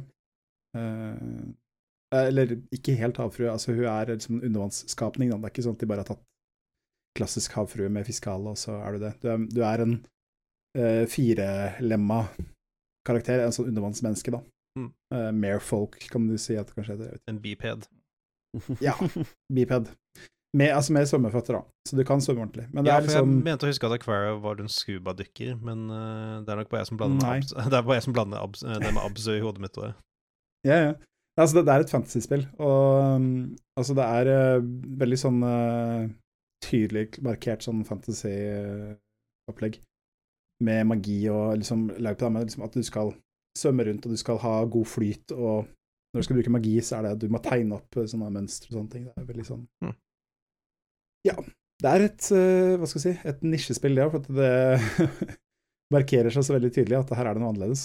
Men eh, det er veldig bra. Det er, gjør det veldig riktig. Jeg tror ikke det fikk veldig stor oppmerksomhet, dessverre. Nei, for jeg husker jeg prøvde den Jeg husker jeg prøvde det når det var ute, men jeg kom aldri så Mm. langt til det. Eh, Jeg husker ikke helt hvorfor. Nei, det, er, det er liksom Det, det har liksom treg start, dessverre. Mm. Det er eh, hvor du må Dessverre må du du blir, Det blir forventa at du skal gape over veldig mye ganske fort, og det er litt sånn hm. Ja, for alle de tingene du nettopp beskrev, bare kjente ikke jeg det igjen i det hele tatt. Jeg bare sånn Hæ, var det som skjedde i spillet? ja, nei, for du, du starter liksom, og så må du, du må, Det er den klassiske med at du starter, og så er du litt underpowered, og så må du gjøre noe litt voldsomt. Og så Mm. for landemekanikkene så er det litt mye på en gang. Det er eh, en sånn ulempe med det spillet. Men eh, det er verdt å sjekke ut hvis det høres spennende ut, og det er, ser veldig bra ut. Det er som sagt håndtegna grafikk av Derek Yu, og det er uh, Ja, det var derfor jeg sjekka det til å starte med, husker jeg. Mm, mm. Så um, for å nevne det òg, da, så må vi også nevne uh, spillet til um, uh, Hva heter den? Frictional Games, er det det? De som lagde Amnesia. Zuma, ja. De, Zuma, som er uh, uh, jeg, da, det, da det ble annonsert, så var det sånn at Å ja, er det science fiction? Er det på ute i verdensrommet? Og så kom spillet og bare Å, ha-ha, det er på havets bunn. Ha-ha. Mm -hmm. det, det var litt kul greie. Um, Det har jo Yes. Ja, det har jo sånne der eh, ocean walking-sekvenser, hvor du Mm, Altså, du er en mm. undervannsbase, da, og Ja. selvfølgelig må du ut og tasse på havets bunn et par ganger, da, og de scenene er Mm. ganske effektfulle. Ja, det gir en veldig, veldig god stemning. Altså Det ganske dårlig stemning, egentlig. Men, ja, det er akkurat det jeg mener. At uh, det, altså, det, blir veldig stemningsfullt, men det er ikke noe god stemning i det hele tatt. Så Nei, men det, det bidrar veldig til at det Altså, det er veldig sånn eh, grounded, som det heter på engelsk, da. At du eh, det, Du blir jo ikke bedt om å gjøre så mye når du er ute i, under vannet. Eh, litt sånn enkle oppgaver. det er litt mer bare sånn bare- å, overlev så godt du kan der ute. Ja. Bare det å klare å håndtere det å være under eh, tre mil med vann, liksom, det er I det hele tatt så er det nok på det tidspunktet. Mm. Nei, men det, det, det er et fantastisk stemningsfullt spill. Jeg føler at det, det, Der eh, gjorde de et veldig bevisst valg på at det med å være under vann skulle ha en veldig stor effekt, og det syns jeg de fikk til veldig bra.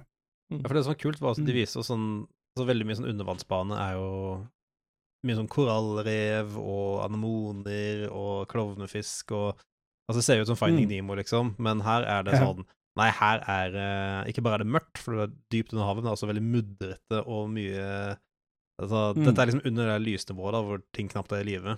Uh, så Ja. det er sånn Det var sånn tåkete, spøkelsesaktig stemning der. Og så er det jo selvfølgelig siden det er et uh, skrekkspill, så er det jo også noen andre som jo tasser rundt der ute med det, da. Så du ser liksom sånn så skikkelser i avstanden og sånt.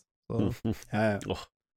Jeg har hatt lyst til å spille Det har vært på listen min lenge, men jeg liker jo, som, som dere, dere kanskje husker, ikke skrekkspill noe særlig. Men akkurat det der frister sykt, altså.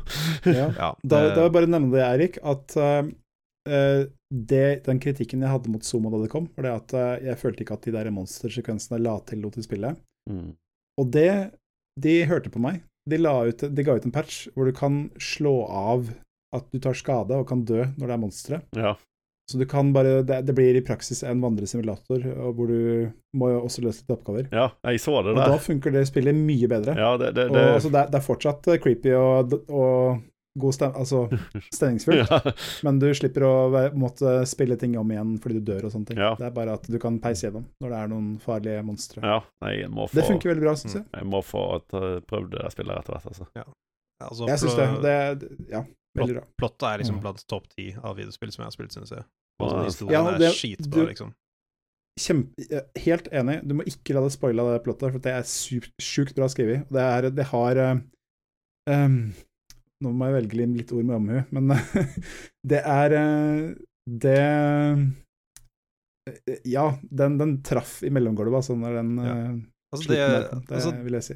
det jeg vil si, er jo at uh, det er et plott som hvis du tok det ut av et videospill og gjorde det om til en bok eller et eller annet, så hadde det vært en skikkelig solid sci-fi-novelle, liksom. I, Mm. bare, på, Mm, bare mm. på egen fot.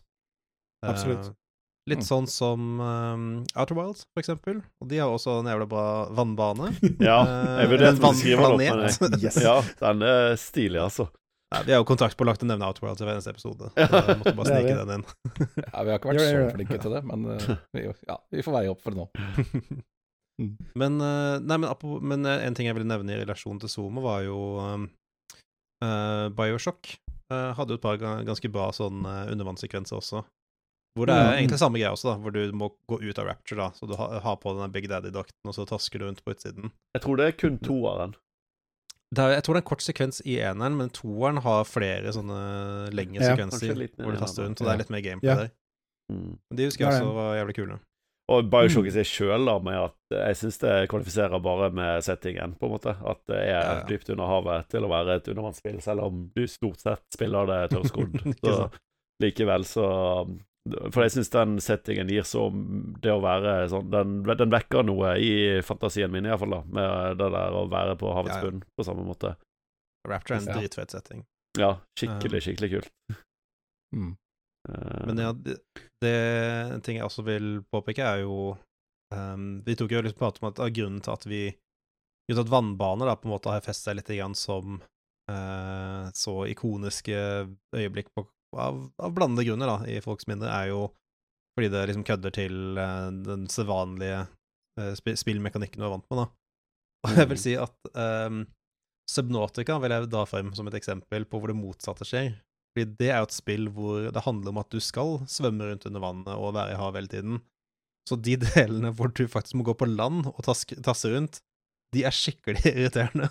ja. Da, har du bare, da er det plutselig Ah. sånn skikkelig middelmådig sånn der eh, Sånn Unity Asset Store Character Controller-type bevegelse, hvor du setter deg fast i steiner og kanter hele tiden.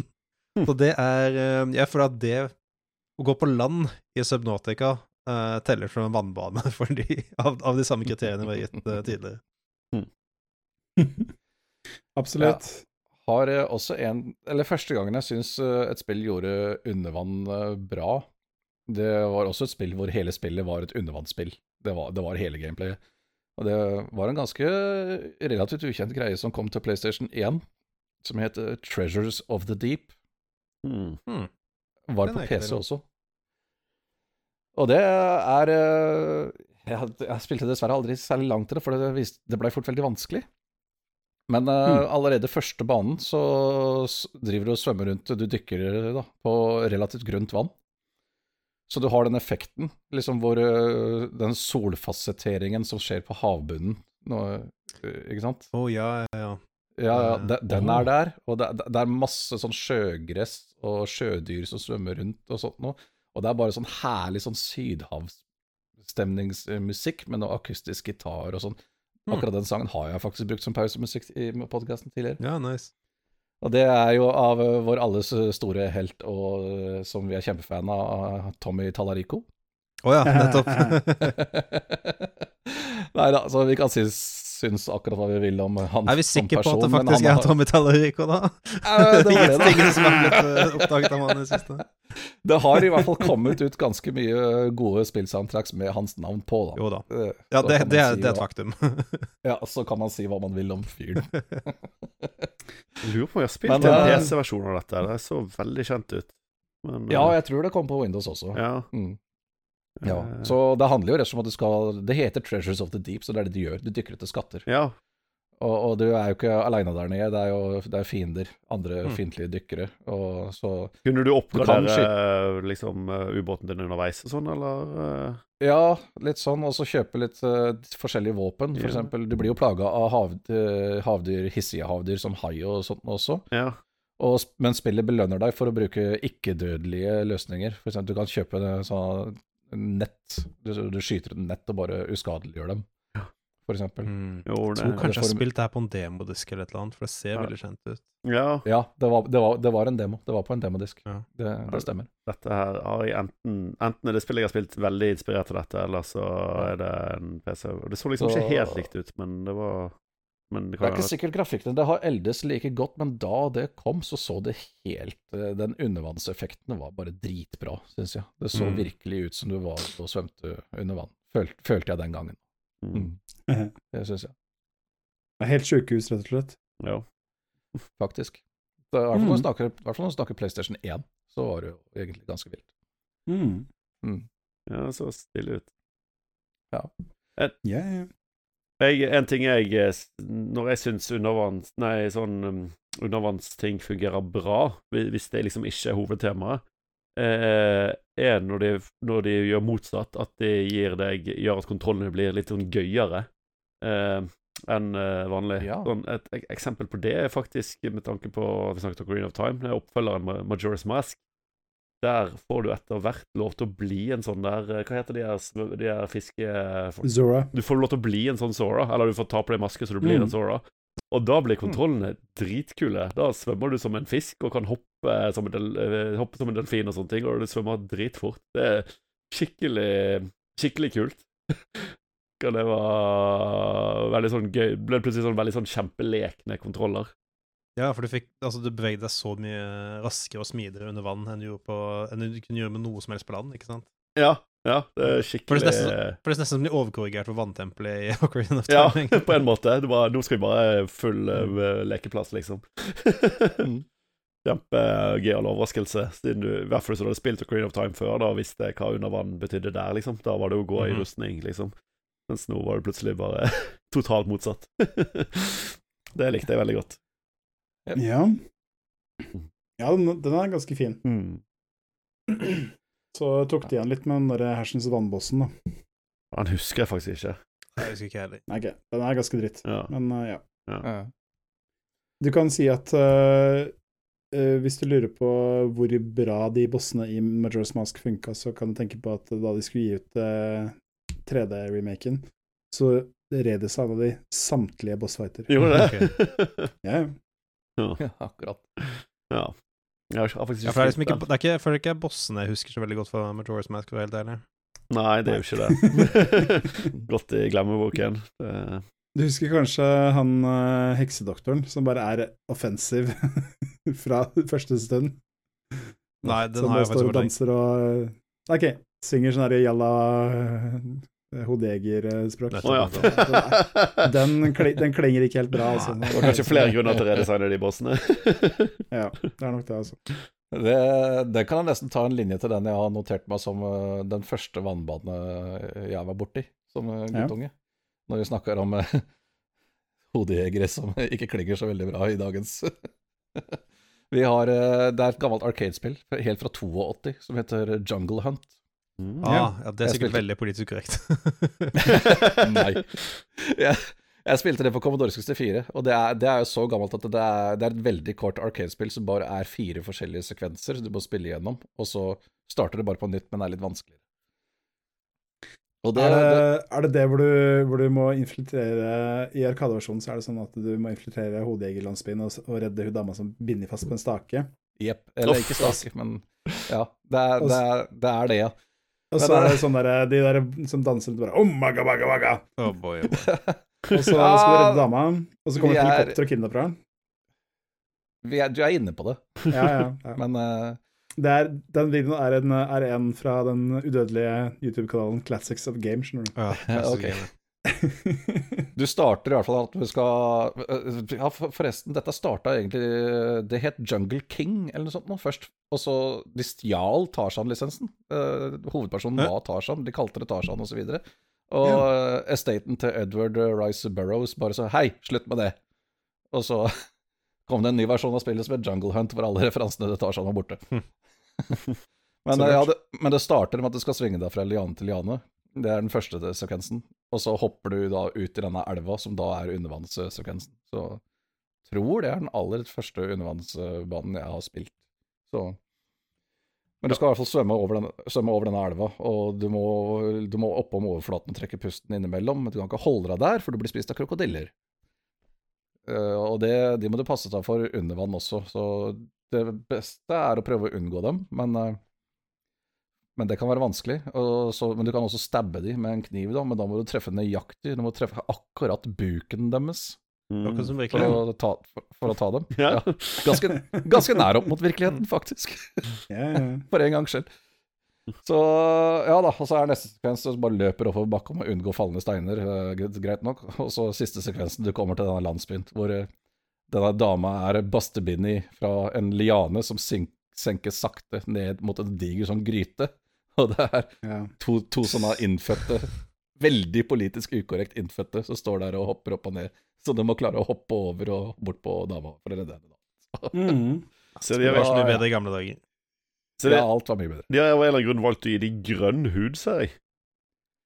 Ja, altså, kom- kom- Hvilken versjon ser du på nå? Uh, ah, skal vi se Hvilken versjon er dette? Det står bare Mame. Uh, Mame. Ja, da er, da er Arcade. Ja. Ja. Mm. Den har jeg ikke engang sett Den har jeg ikke engang sett på. Jeg bare vet at det var opprinnelig et Arcade-spill, men det var Commodore 64-versjonen jeg spilte. Ja, for der har de grønn hud. Av Ja, grunn. ok. Jeg, jeg, tenkte på, jeg tenkte på et annet spill, ser jeg. Dette er eh, det jeg tenkte på, er et sånt Fantasy, lagd av SNK. Ja, okay. Det er også kjent for at uh, bakgrunnsmusikken i den der landsbydelen, det er bare en rip-off av Funky Town. Hvorfor ikke? Hvorfor ikke? Og så ser, og så ser, jeg, ser jeg en YouTube-kommentar her, det er eh, This is the least funky town I've ever seen. Altså, det er én ting jeg har tenkt på seinere. Altså, når du har etter første gangen du har gått gjennom spillet, og du starter på nytt, og det skal være litt vanskeligere, den lianesekvensen har da apekatter der, som kaster det jeg tenkte da jeg var liten, måtte være kokosnøtter. Ja. Men, uh, men det er jo bare et eller annet som er representert av en fire-fem brudde piksler, så Voiceover, det var ikke kokosnøtter. ja, gudene veit hva, hva de tenkte det skulle være. Men vi som voksne vet jo hva apekatter pleier å kaste etter folk, så ja. kan, kan du tenke akkurat hva du vil. ja. Ja, Men det var heller ikke et eksempel på en dårlig vannsekvens, for så vidt. Det, det, jeg syns det spillet var morsomt da jeg var guttunge, og vannsekvensen òg. Nå tøyer vi kanskje litt eh, definisjonen på vannbaner. Fordi jeg tror ikke du noensinne drar på tørt land på den her, men eh, jeg har lyst til å høre litt om Absu, jeg, Erik. Fordi ja. jeg spilte det lite grann, og jeg hadde egentlig veldig sans for det, men jeg fikk aldri spilt noe særlig mer enn sånn et par-ti minutter, liksom. Altså, jeg er veldig glad i det. det var, når det kom, så ble det jo Fikk de kanskje litt kritikk for at det var en sånn eh, dårligere versjon av det der Åh, Åh, hva heter det? Det er PlayStation Flower? eksklusiv. Nei, ikke Flower, men oppfølgeren. Det der, det der eh, ørkenspillet. Journey? Ja, ja, Journey. Journey, ja. Mm. At det var litt sånn rip-off av det. Eh, Men jeg, jeg liker det veldig godt. Uh, jeg, er jo litt, jeg, er glad, jeg er glad i å dykke i virkeligheten òg, da. Jeg har dykkerlappen. Det er noe av det kuleste jeg vet å drive med som ikke er dataspill. Og, men iallfall det, det Det er jo litt sånn der fantasiversjon av det å dykke, da. Og ta vekk Gjør det veldig sånn enkelt og kjapt og flytende, sånn som Journey. Og at du beveger deg til mer og mer fast, fantastiske områder og sånn. Uh, det er sånn skikkelig sånn feel good-greie. Uh, slags walking simulator på en måte, bare at det Floating er Simulator. ja, bare at det er i 2D, da, på en måte. Samme måte som Og så bare beveger det bortover. Og egentlig bare for å se veldig mye sånn stilig undervannsgreier. eh, og noen virkelig sånn store majestetiske dyr og sånn, og kul og digg musikk. og ja, eh, hvis dere eh, ikke har spilt det, så anbefaler jeg det veldig, altså. Det, I hvert fall hvis dere likte Ja. Det, det er bare et par timer langt. Ja, fordi jeg tok jo, tror jeg bare svømte rundt og bare så på grafikken og, og fiskene og, Mm. og alt det der. Så jeg, jeg, jeg fikk egentlig ikke med meg at det var en journey-like engang før nå. Nei! Nei, det, det, det er det. Det har ikke den der multiplayer-greien som Journey har, men eh, eh, og, det, det og Journey vel litt mer sånn uh, Har vel noen puzzle-greier. Her tror jeg ikke det var noe særlig puzzle-greier engang. At du bare At det er ganske sånn beveg deg straight up rett fram. Hvis jeg skulle rette mange år siden jeg spilte nå. Eh, men jeg, jeg likte det veldig godt. Det kan Men Kanskje fordi jeg er veldig glad i havliv, da. men Mm. det, ja, jeg jeg anbefaler det, altså. Men det er jo som sagt også sabla pent. Det er bare sånn Ja, det er liksom det. Det er sånn enkel grafikk, men ikke på den der eh, Ikke på den der eh, El Paso Everywhere-måten hvor den prøver å emulere sånn uh, low fidelity-grafikk. Det er mer at den Hva skal jeg si Bruker bare veldig sånn store um, Hva skal jeg si Sånn store, enkle fasonger og kraftige farger og Mm.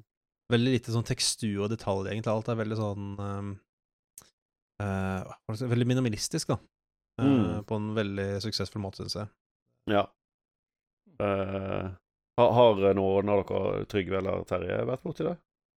Nei. men Jeg har faktisk det. ikke prøvd det, Nei. sjøl om eh, det egentlig er litt sånn uh, Jeg tror nok at jeg hadde likt det. Ja, er overrasket ikke. Jeg hadde sett for meg du hadde vært gjennom i hvert fall. Du pleier liksom å spille det meste av sånne litt sånn eh, games of note.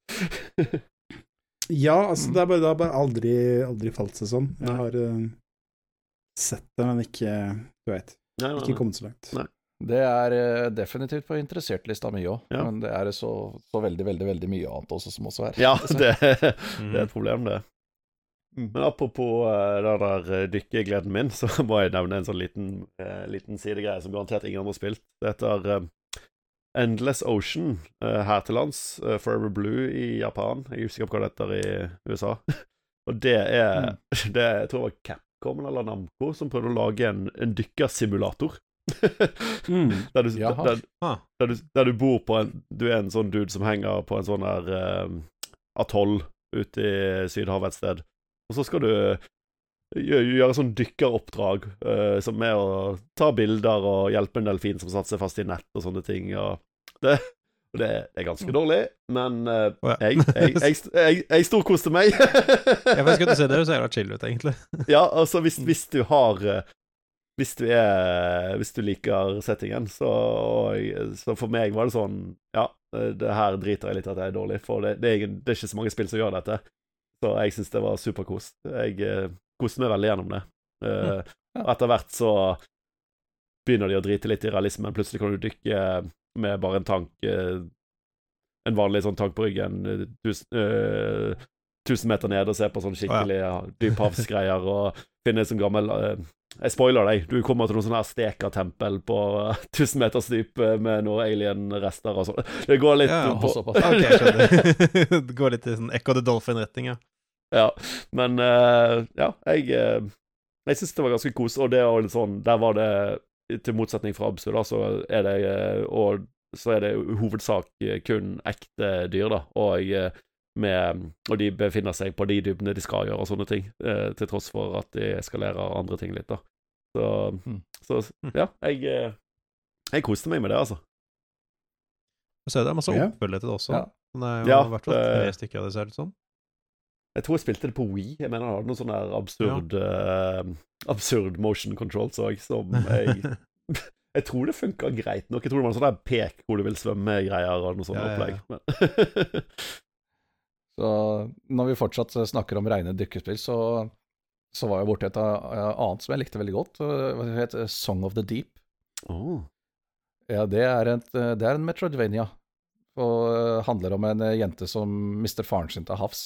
Eh, og bare bygger sin egen eh, ubåt og begynner å dykke nedover. Og så, er- ja Du kjører da en ubåt rundt, og det er Metroidvania-gameplay, Ah. egentlig. Ja. Ja. Så det syns jeg, synes jeg faktisk var et veldig fint spill. Ikke, det er ikke det at det utmerker seg nevneverdig på noe vis, egentlig, men jeg syns det var en fin liten sak, jeg, da. Mm. Ja, for det var vel eh, Ja, nå husker jeg, det spillet hadde jo faktisk GameStop som utgiver. Det var jo et av det deres var et av de der, ja. Ja, det var de forsøkte seg på å være utgiver uh, Ja. i en ganske kort periode, mener jeg husker. Ja. Så, De prøvde litt forskjellige ting der mot eh, før Mhm. ting begynte å ryke skikkelig på dem. Ja. Men ja, det er ikke sånn der eh, sudden gameplay change uh, undervannsbanespill eh, akkurat da. Det er jo hele spillet er det der.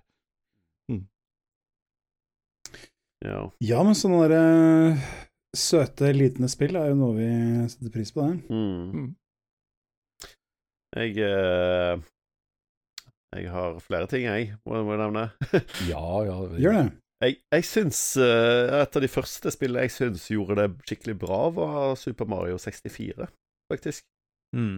Der syns jeg Mm. kontrollene funker bra, og jeg, det er jo flere vannbaner i det spillet.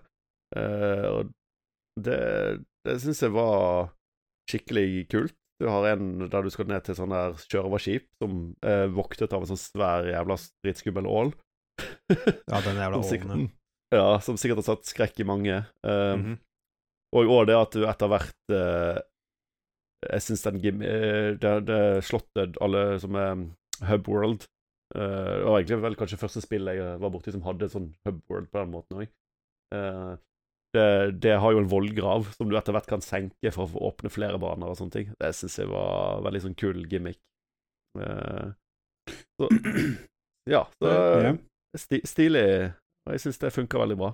Jeg prøver å huske, hadde Mario 64 begrenset oksygen? Eller Ja. Ja, du, du, du mister litt oksygen, og så Ja, ok. Og så holder det at du dukker opp over overflaten, og da får du fulgt opp livet ditt igjen. Ja, til Ja, den- det, ja, for det, ja, for det brukte den samme greia som helsen din, var det? De der eh, Ja. de kakestykkene. Det separerte ikke på det. Til den grad at hvis du hadde lite helse, så kunne en måte å hile seg på være å hoppe ut i vannet og ligge i overflaten. Så hilet du deg.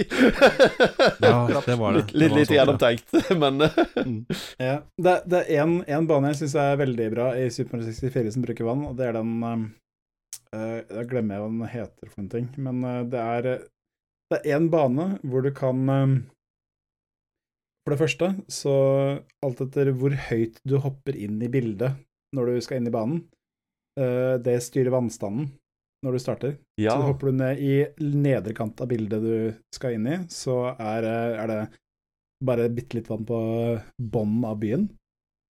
Uh, Wet Dry World heter den. Ja, da kan du justere Ja. vannstandene med sånne Mario Kart-spørsmålsendbokser, nesten. Ja. Ja. Og så, så i hvert fall ingen, som kan, altså hvis du hopper inn helt høyt oppe, så har du vann helt opp til taket av den høyeste bygningen. Mm. Um, men det som også er veldig kult med den, er at eh, når du utforsker den en god stund, så kommer du etter hvert til en uh, Da kan du svømme ned i en gang hvor du kommer under den byen du starter i. Uh, der er det en helt annen by. Ja. Og det, bare den, det å finne den under vann, det var sånn wow! ja. Det er jo dritkult. Ja, det hadde jeg faktisk glemt. Mm. Ja, det var skikkelig kult. Ja, Så den banen elsker jeg. Den syns jeg er dritkul. Ha- Mm. Har, har dere Har noen andre enn meg, meg eh, spilt Maneater, da? Jeg har ikke det, skjønner du. Jeg har, uh, jeg har hørt Lodin fortelle om det. Ja, Det er et veldig, veldig Lodin-spill. Det, det er så Ja. trashy og teit, det spillet. Det er jo et spill der du styrer en, en, en hai som skal ta hevn på en uh, haifisker som drepte moren din. Uh, og det gjør du med å vokse og spise deg stor i typisk haispillform. Bare at det er bare at det, denne gangen er det er et full open world, uh, på en måte GTA-like, nærmest, bare som hai, og du oppgraderer Ja. deg helt Etter hvert får du sånn strømkraft og alt mulig sånn her. De bare fucker liksom. Her Ja. skal vi bare leke oss og Ja, fordi gameplay er slik jeg har, jeg har sett noen YouTube-videoer og sånt av det òg. Jo gameplay er at du Nesten litt som å være en Zora i eh, Majora's Mask. Du tar og suser Ja. av sted noe jævla fart, og så må du launche seg selv opp av vannet og bare glefse i deg ting i lufta, og så ut i vannet igjen. Eller så bare ragdoller du over en brygge og bare river med den med faenskap. Ja, etter hvert så Mm. Og du får sånn der eh, Sånn som de 3D Sonic-spillene har, der du Mm. liksom uh, homer inn på fiender i luften. Du får det etter hvert, og liksom bare spretter oh. fra fiende til fiende i luften. Du får en spin og- liksom. Ja, det, det er helt teit. Men uh, det viktigste spørsmålet er jo om de har lisensiert den gamle Hall Notes-låta, Man Eater. Jeg tror ikke det. Det hadde vært ganske bra. Oh, here she comes. Watch out, boy, she'll chew you out. Ja, den er vel er parkert hos uh, Metgear Gear Solid 5, tenker jeg. Mm. Ja. Unnskyld. Men det, det er en eh, Noen ganger så må du liksom prøve å tilkalle deg Lage fan sånn i GTA-style for stjerner etter deg, for å få, eh, for å få, de der, få den der uh, fiskeren som drepte moren din, til å dukke opp. Og da kan du liksom bare gå på en strand, da. Så det, det er en egen følelse å bare sprette bortover en strand og chompe i deg uskyldige mennesker Hvis mens du hopper fram som, opp, ut av vann kjempelenge, sånn som en hai aldri ville gjort. Kunne klart, liksom. Mm. Bare fly bortover stranden. Men det, De hadde gjort det det er ganske gøy, altså. Men eh, Det- spørsmål, det viktige spørsmålet, da, hvis de har GTA uh, Renown-systemet, eh, får du sjøstjerner i stedet for som vanlige stjerner? det hadde vært bra. Jeg husker Det er et par år siden jeg spilte dette nå. Men jeg, jeg husker ikke hvordan de måler det. Men de, burde- de burde jo gjøre det. De burde jo det. Absolutt. Hør det, folkens, hyr meg til Maneater 2. Jeg har en ferske ideer for det. Jeg tror faktisk tilleggspakken eh, Den spilte jeg ikke, men jeg mener den drar enda lenger. At da kommer det aliens eh, du skal fighte som er haien og sånn. Hvorfor ikke? ja da. Ja da. ja. ja. Det går, eh, gikk tungt på, tungt på realisme, skjønner jeg. Ja. Jeg har sansen for um, Jeg har sansen for spill som bare gir litt faen noen ganger. ja det, Mm. det Det er litt gøy med det. Jeg syns uh, Another World gjorde en jævla kul ting med en vannsekvens. Mm Hmm. Ja. Det er jo det uh, legendariske cinematiske plattformspillet som kom uh, fra Erik Chai i 91? Ja. 90? 91? Som brukte vektorgrafikk. Yes. Det så jo dritbra ut. Det er særlig animasjoner og sånn. Det så jo dritbra ut Dritlekkert. Men uh, ja, du plattformer deg gjennom et uh, grottesystem. eh, som er, det er ganske krevende, egentlig. Og det er veldig fort gjort å havne ned i sånne alienplanter og bli spist og det som verre er. Og når du endelig kommer til enden, så ser du bunnen av et eh, digert basseng, vannbasseng, bare holdt oppe av en sånn liten, sånn der tynn eh, steinnabb. Så du drar fram lasergunneren din og bare skyter den, og dermed fosser det vann ut. Og du må løpe beinfly tilbake gjennom det samme grottesystemet, og komme deg liksom opp før dette vannet tar deg igjen. Og så eh, går du videre, og så kommer du til overflaten. Eh, dette bassenget som har Eller du kommer til en annen sånn der vanntank som var tom, du ikke kom forbi. Og den har nå fylt seg opp, du kan svømme over. Men du kan også dykke ned. Det er en ting du må gjøre. Og nå svømmer du under vann gjennom de samme grottesystemet som du plattforma deg gjennom tidligere. Som var Ja. liksom en, måte, en sånn måte å gjenbruke det samme området på som uh, var, var ganske stilig den gangen. Da. Det, ja, ja. Og den var også ganske klaustrofobisk, for det er noen av disse Det, det er noen sånne små hulrom uh, som du kan svømme opp i, som det er luftlommer i, så du kan få puste, da, for du har begrensa med oksygen. Ja, men det er ingen oksygenmåler. Eneste måten du ser på, er at det av og til kommer noen bobler oh, opp boy, fra kar karakteren din. Ikke sant? Og, så, og det begynner å bare komme fortere og fortere og fortere kommer det bobler ut. Du skjønner, du skjønner at det Ja, du blir veldig fort veldig klaustrofobisk, da. Du blir litt stressa. Mm. Så eh, ja, det, det var faktisk ganske stilig. Og det, at den spillmotoren egentlig håndterte det så bra som den gjorde også, syns jeg egentlig var bare Altså, det, ekstra pluss i boka på det. det spillet er jo en teknisk, uh, teknisk mesterverk, altså. For, altså for sin tid. Mm. Altså, særlig for sin tid, men bare sånn generelt Ja. nå, det er hvordan de fikk det til. Ja. Uh, Verdt å nevne, da, altså Eric Chahi er er jo en, ja, som nevnte, Sindre, en legendarisk programmerer. Uh, hele spillet er laga som bitecode, Ja. så det er derfor det går an å Det er derfor det var så gode porter av det spillet. For at det var bare porter den uh, VM-en som kjørte bytecoden, og, så- og så bruke den samme bytecoden på denne plattformen. Ja, for den har litt sånn Yes. Doom-status, at den kjører på nesten alt mulig nå for tiden. Ja. Ja, ja. Ja, ja. ja. Det er, ja. Nei, akkurat som Trygve sier, det, han ba, det var bare en sånn egen sånn liten sånn uh, virtual maskin, ja. Som uh, Mm. Det blir jo fortsatt, kjør, det blir fortsatt gitt på Ja. nye maskiner, eller? Ja. Nye Ja, konsoller og sånn. igjen, den nyeste er vel 25th anniversary, Mm. Mm. og den er vel tilgjengelig på ikke denne generasjons konsoller, men forrige, i hvert fall. Ja, ja. PlayStation, 4, PlayStation 4 og sånn. ja, Og- Switch, og hvis du regner den som denne generasjonen. Ja. Det er vel litt feil å si, kanskje, men Jeg vet ikke. jeg vet ikke. Det er den nyeste Nintendo-maskinen. det er det. Ja, ja. Men ja. Greit nok.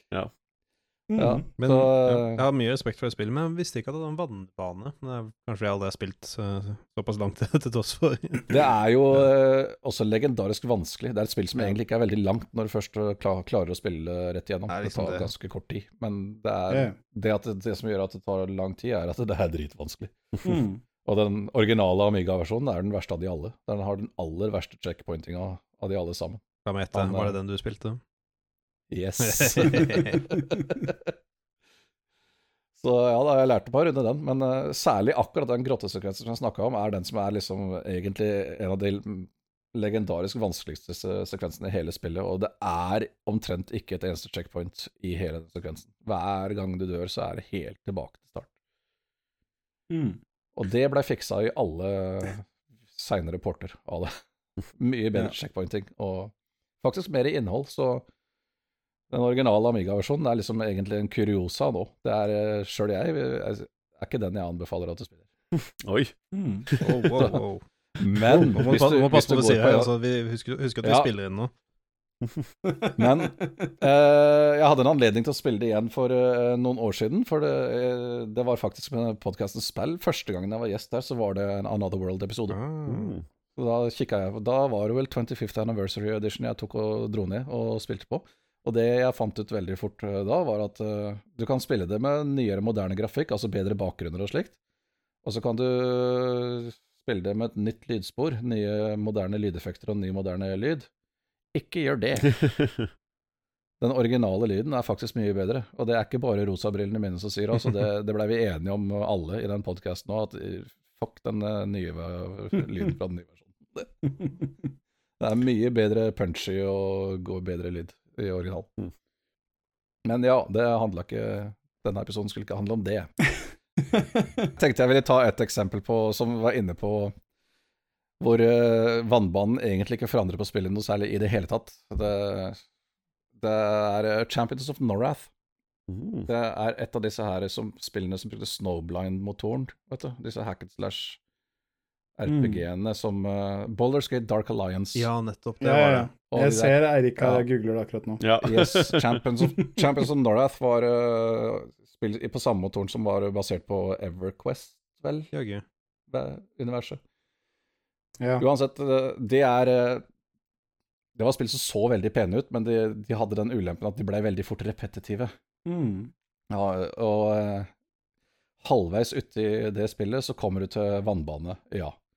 Men gameplay forandrer seg overhodet ikke. Det er, sånn, det er av den typen hvor du da bare går på bunnen, og du gjør egentlig akkurat det samme. Du bare slår i hjel fiender, og spillet går Men spillet går i halv hastighet. Eller noe Jeg skulle spørre, har de endret fysikken eller noe som helst, liksom? Ikke sant? Kjempegøy. Nei, egentlig ingenting. Alt bare, alt bare går nå i slow motion. Og du er over halvveis ute i spillet, og du er allerede begynt å få litt sånn fatigue fordi dette spillet er ganske repetitivt og Ja. sånn, så Vel, det er der det er veldig lett å dette av det spillet, for å si det pent. Ja. Det er eh, grusom drit av en vannbane. Det fikk meg til å tenke at eh, skal, jeg designe, skal jeg designe et spill med en vannbane, så vil jeg at man skal kunne ta en vaksine mot vannbane i tidligere spillene. Så når du kommer til det, så har Ja. ingenting endret seg, det er bare en vannshader på toppen av alt. Ja. Ja, ikke sant? Vaksine mot vann, Men, det hadde nok fungert bra i den virkelige verden. Men altså, det er, det, poenget jeg ville fram til her, er at eh, ja, mange hater på vannbanene fordi de eh, forandrer på gameplay, og gjerne de syns det er på, i en negativ retning. At uh, du, spillet er én ting, liksom, og så blir det plutselig en annen ting, og faen, dette suger. Men når det kommer en vannbane sånn som det, hvor de egentlig ikke forandrer med noen, på noen ting, alt bare er slow motion isteden Nei. Er Nei, det er fader ikke rette måten å gjøre det på. Det er enda verre, altså. Ja, Mm. absolutt. Ja. Du har jo um, Du stiller noen spørsmål her, Terje, om um, mange schmups som har undervannsbaner. Det er mange. Ja Kommer ikke på så mange, skal jeg være helt ærlig. Ja, altså, noen, av, noen er jo bare rene undervannsspill.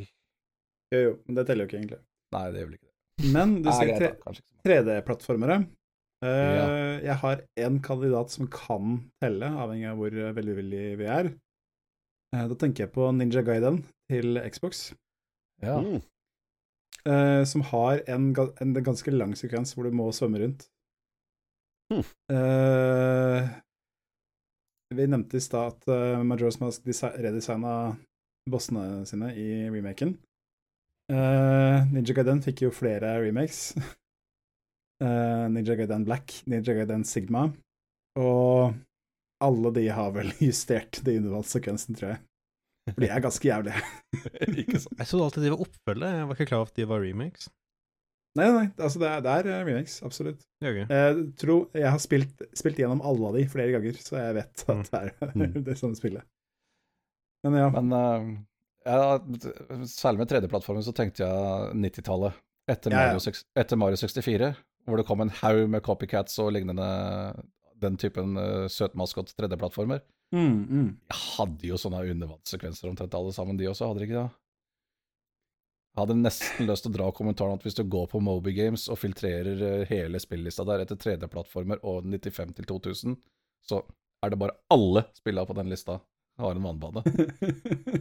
Det er kanskje ikke fullt så Nei, jeg tror men nok ikke det er mulig. Nei, jeg vet ikke. Men jeg føler liksom sånn, det er jo noen uh, arketyper alle spill må liksom innom. Du må ha en vannbane, du må ha en lavabane, isbane um, hva, hva? Kloakkbane. Kloakk, selvfølgelig. Hallo. ja. Absurdly spacious sewers. Mhm. Det er en klassiker. Mm, mm. Ja, den kloakk du kan kjøre en monstertruck gjennom. ja, ikke sant? FPS-spill med, med vann, sier du også. Bioshock, hvis det teller.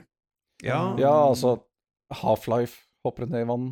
Mm. f.eks. for eksempel. Ja, det var er- noen ekle scener i eh, Half-Life. Ja, ja, i eneren, så klart. Ja, ja, Det er fiskene som kommer etter deg og sånn. Ja. Quake 1 har jo flere vannsekvenser. Quake 2 også, for så vidt. Mm.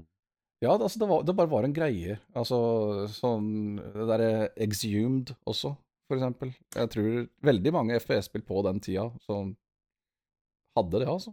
Så, Ja, ja. så Hvilket, hvilket var det første FPS som gjorde noen greier når du hoppet i vannet, og når, når Kaba på en måte går under vannet, så, får du, så skifter den sånn postposisering sånn at det ser ut som det er ordentlig undervanns, og det skifter lyden og alt det også. Ja, ja, ja. Ja. Det blir sånn bølgete. Ja, det blir Ja. bølgete. Og så liksom når du er under vann, så er det liksom sånn Lyset spaltet annerledes og, uh, Ja. og så videre.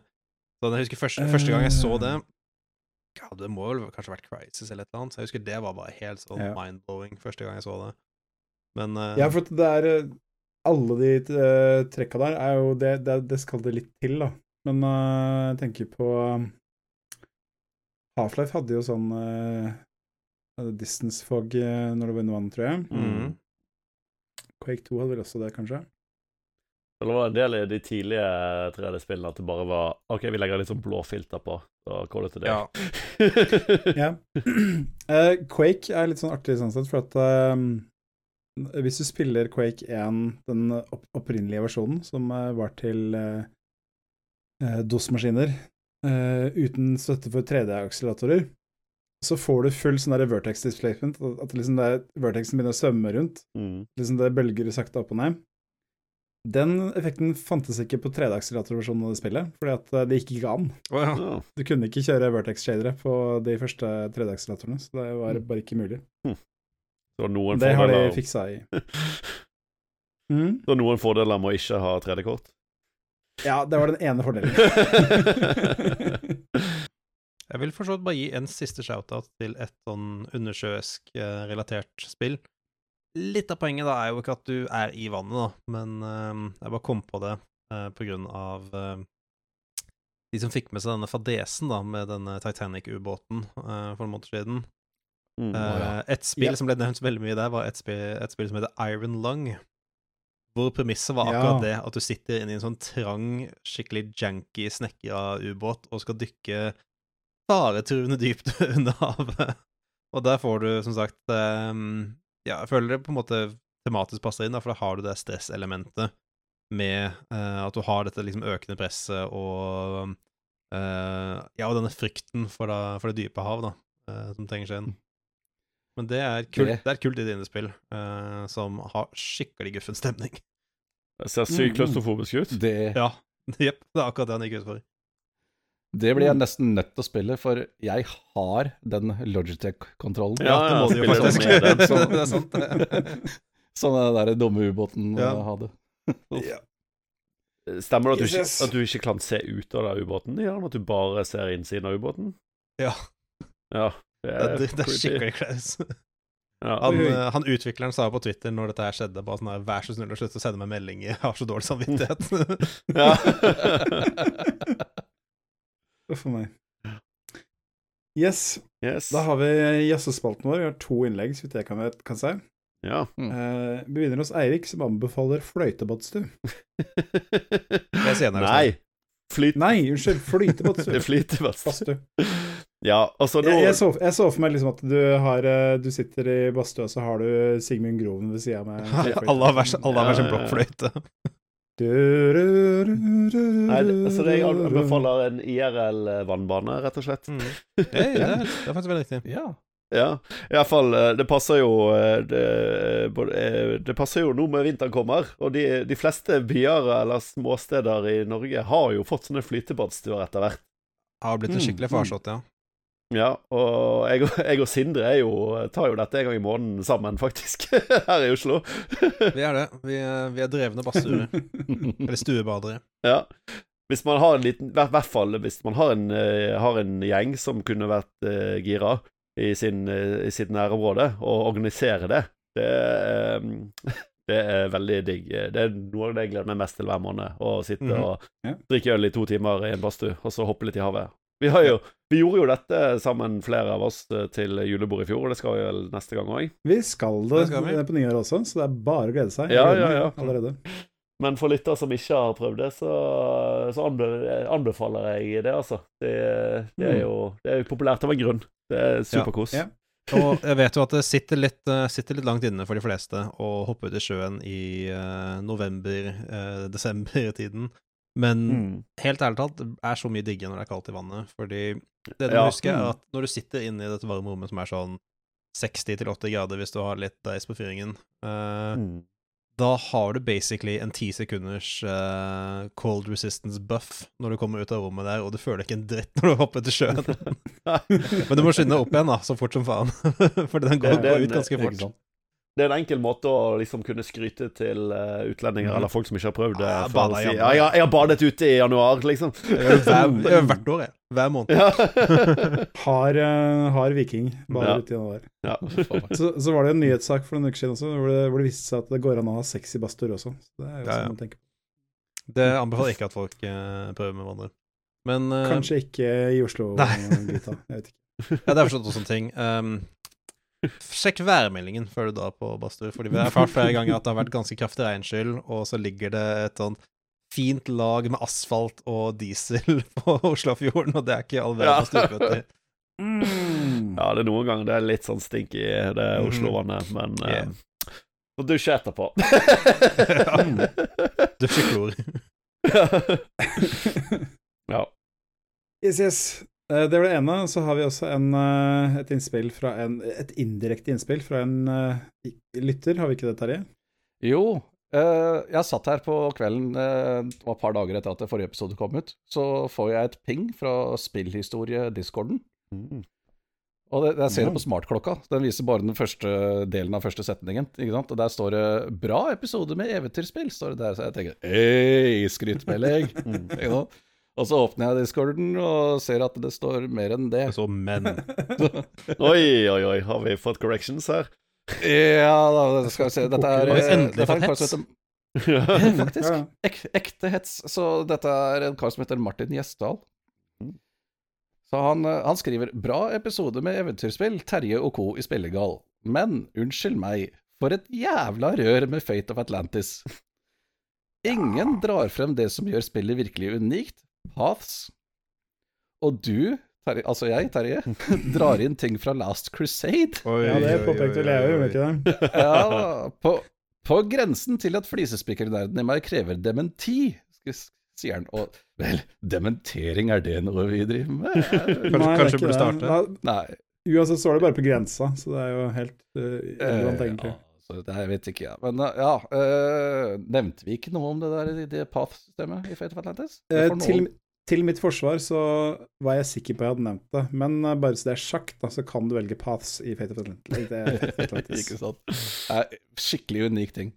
Ja. Men, men jeg- eh, ja.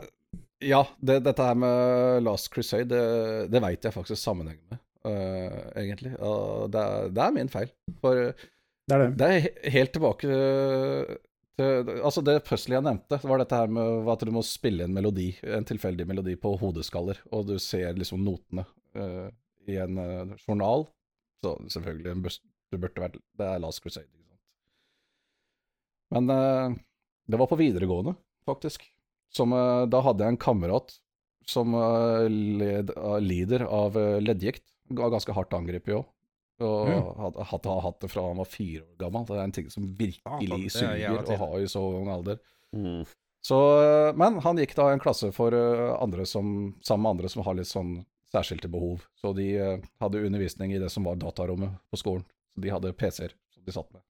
Og de hadde selvfølgelig spill installert på disse PC-ene, så jeg hadde en tendens til å henge der i midttimen og sånt noe sammen med de, av en eller annen grunn. Så, mm. så eh, på den tida der så tror jeg, faktisk, ikke at- tror jeg faktisk ikke jeg var klar over at det eksisterte et Last Crusade pek-og-klikk-spill. Men jeg var klar over at Fate of Atlantis eksisterte. Og han ene av de satt jo da og spilte et Indiana Jones pek-og-klikk-spill, så bare oppi mitt hode så var det Fate of Atlantis, og det har liksom bare vært siden. Ja. Ja, og det er der jeg også kjente det puzzlet, for han, han kunne ikke lese noter, han som satt og spilte det, så han ropte, ropte faktisk ut i rommet at er det noen som skjønner dette her, som kan Hjelp! Hjelp! Er det en musiker i salen? Og det Jeg kunne lese noter, for jeg har en mørk historie fra et skolekorps Oi, en gang i tida. Så, Ja, Hva spilte du? snakker ikke mer om det. Uff a meg. Slagverk. Det? Slagverker. Oi, oi, Slagverker. oi. oi. Ja, ja. Veldig bra. Piska skinn. Ja, ja, ja, ja. Men så derfor så har jeg trodd i alle år at jeg huska det puzzlet der fra Fate of Atlantis, som da viste seg å være fra Last Crusade, så ja, ok, sorry. Min feil. Eh, ja. Men jeg dementerer ikke. Og Nei, ikke, for det er bare på grensa. og i mitt forsvar eh, så var jeg et barn og dum i hodet, så jeg husket ingen av de genene.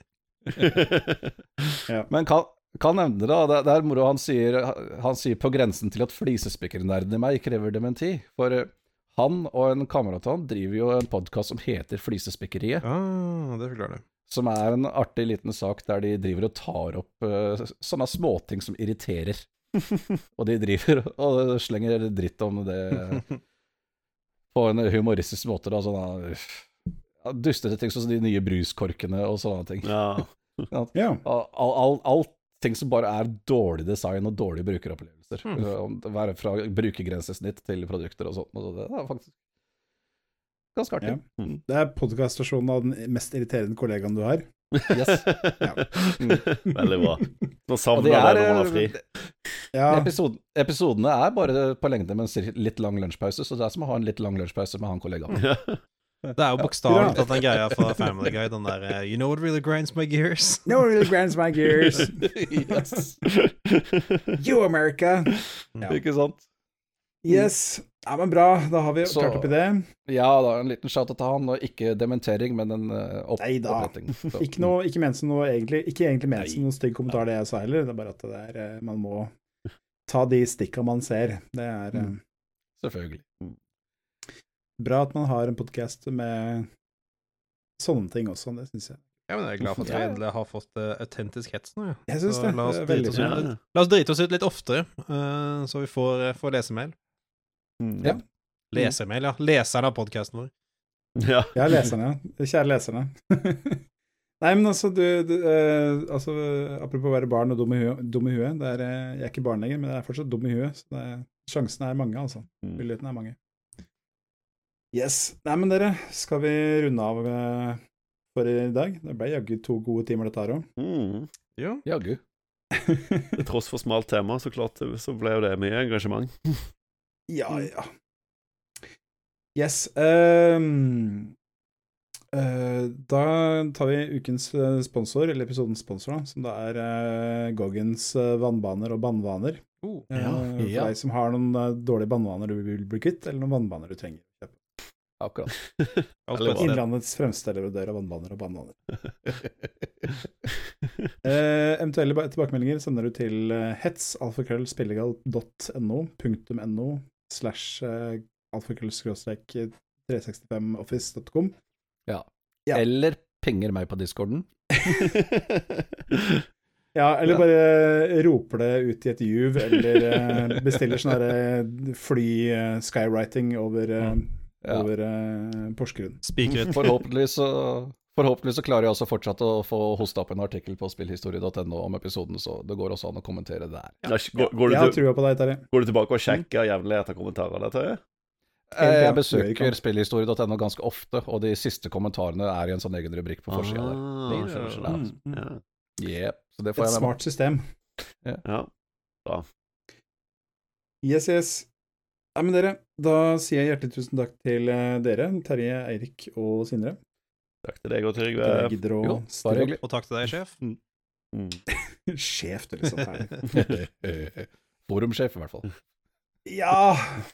Ja, sjefen over forumet. Mm. Det, det, er- det, er en- det, er- det i status i dag. Ja, det er en Ja, givende tittel. Ja, ja. Som vi egentlig skulle legge ned, og så har vi ikke lagt den ned i kveld, så vi får se. Ja. Kanskje en dag, vakker dag blir formlagt. Vi får se. Mm. Nei, uh, selvfølgelig også. Tusen takk til dere som gidder å høre på. Det er jo også veldig hyggelig. Um, jeg kan eh, Jeg har sjekka, men jeg kan sjekke igjen om vi har fått noen mailer på hetsadressen vår, og det Noen har sendt det under opptak. satt under opptak. Burde kanskje sjekka det først. Jeg har sjekka det først, men jeg kan sjekke igjen. Men nå gidder ikke den laste ned, så da gidder jeg ikke sjekke allikevel. Så sier jeg bare Nei, nå kom den. Da sier jeg bare med, for- med forbehold om at jeg ikke har kommet med. Det tror jeg ikke. Herregud, det tregt det var. En avslutning av Ja. episoden. Nei, vi sier, uh, sier tusen takk for at dere gidder høre på. Så ses vi igjen seinere. Yes. Ha det bra. Ha det bra. Ha det. Ha det.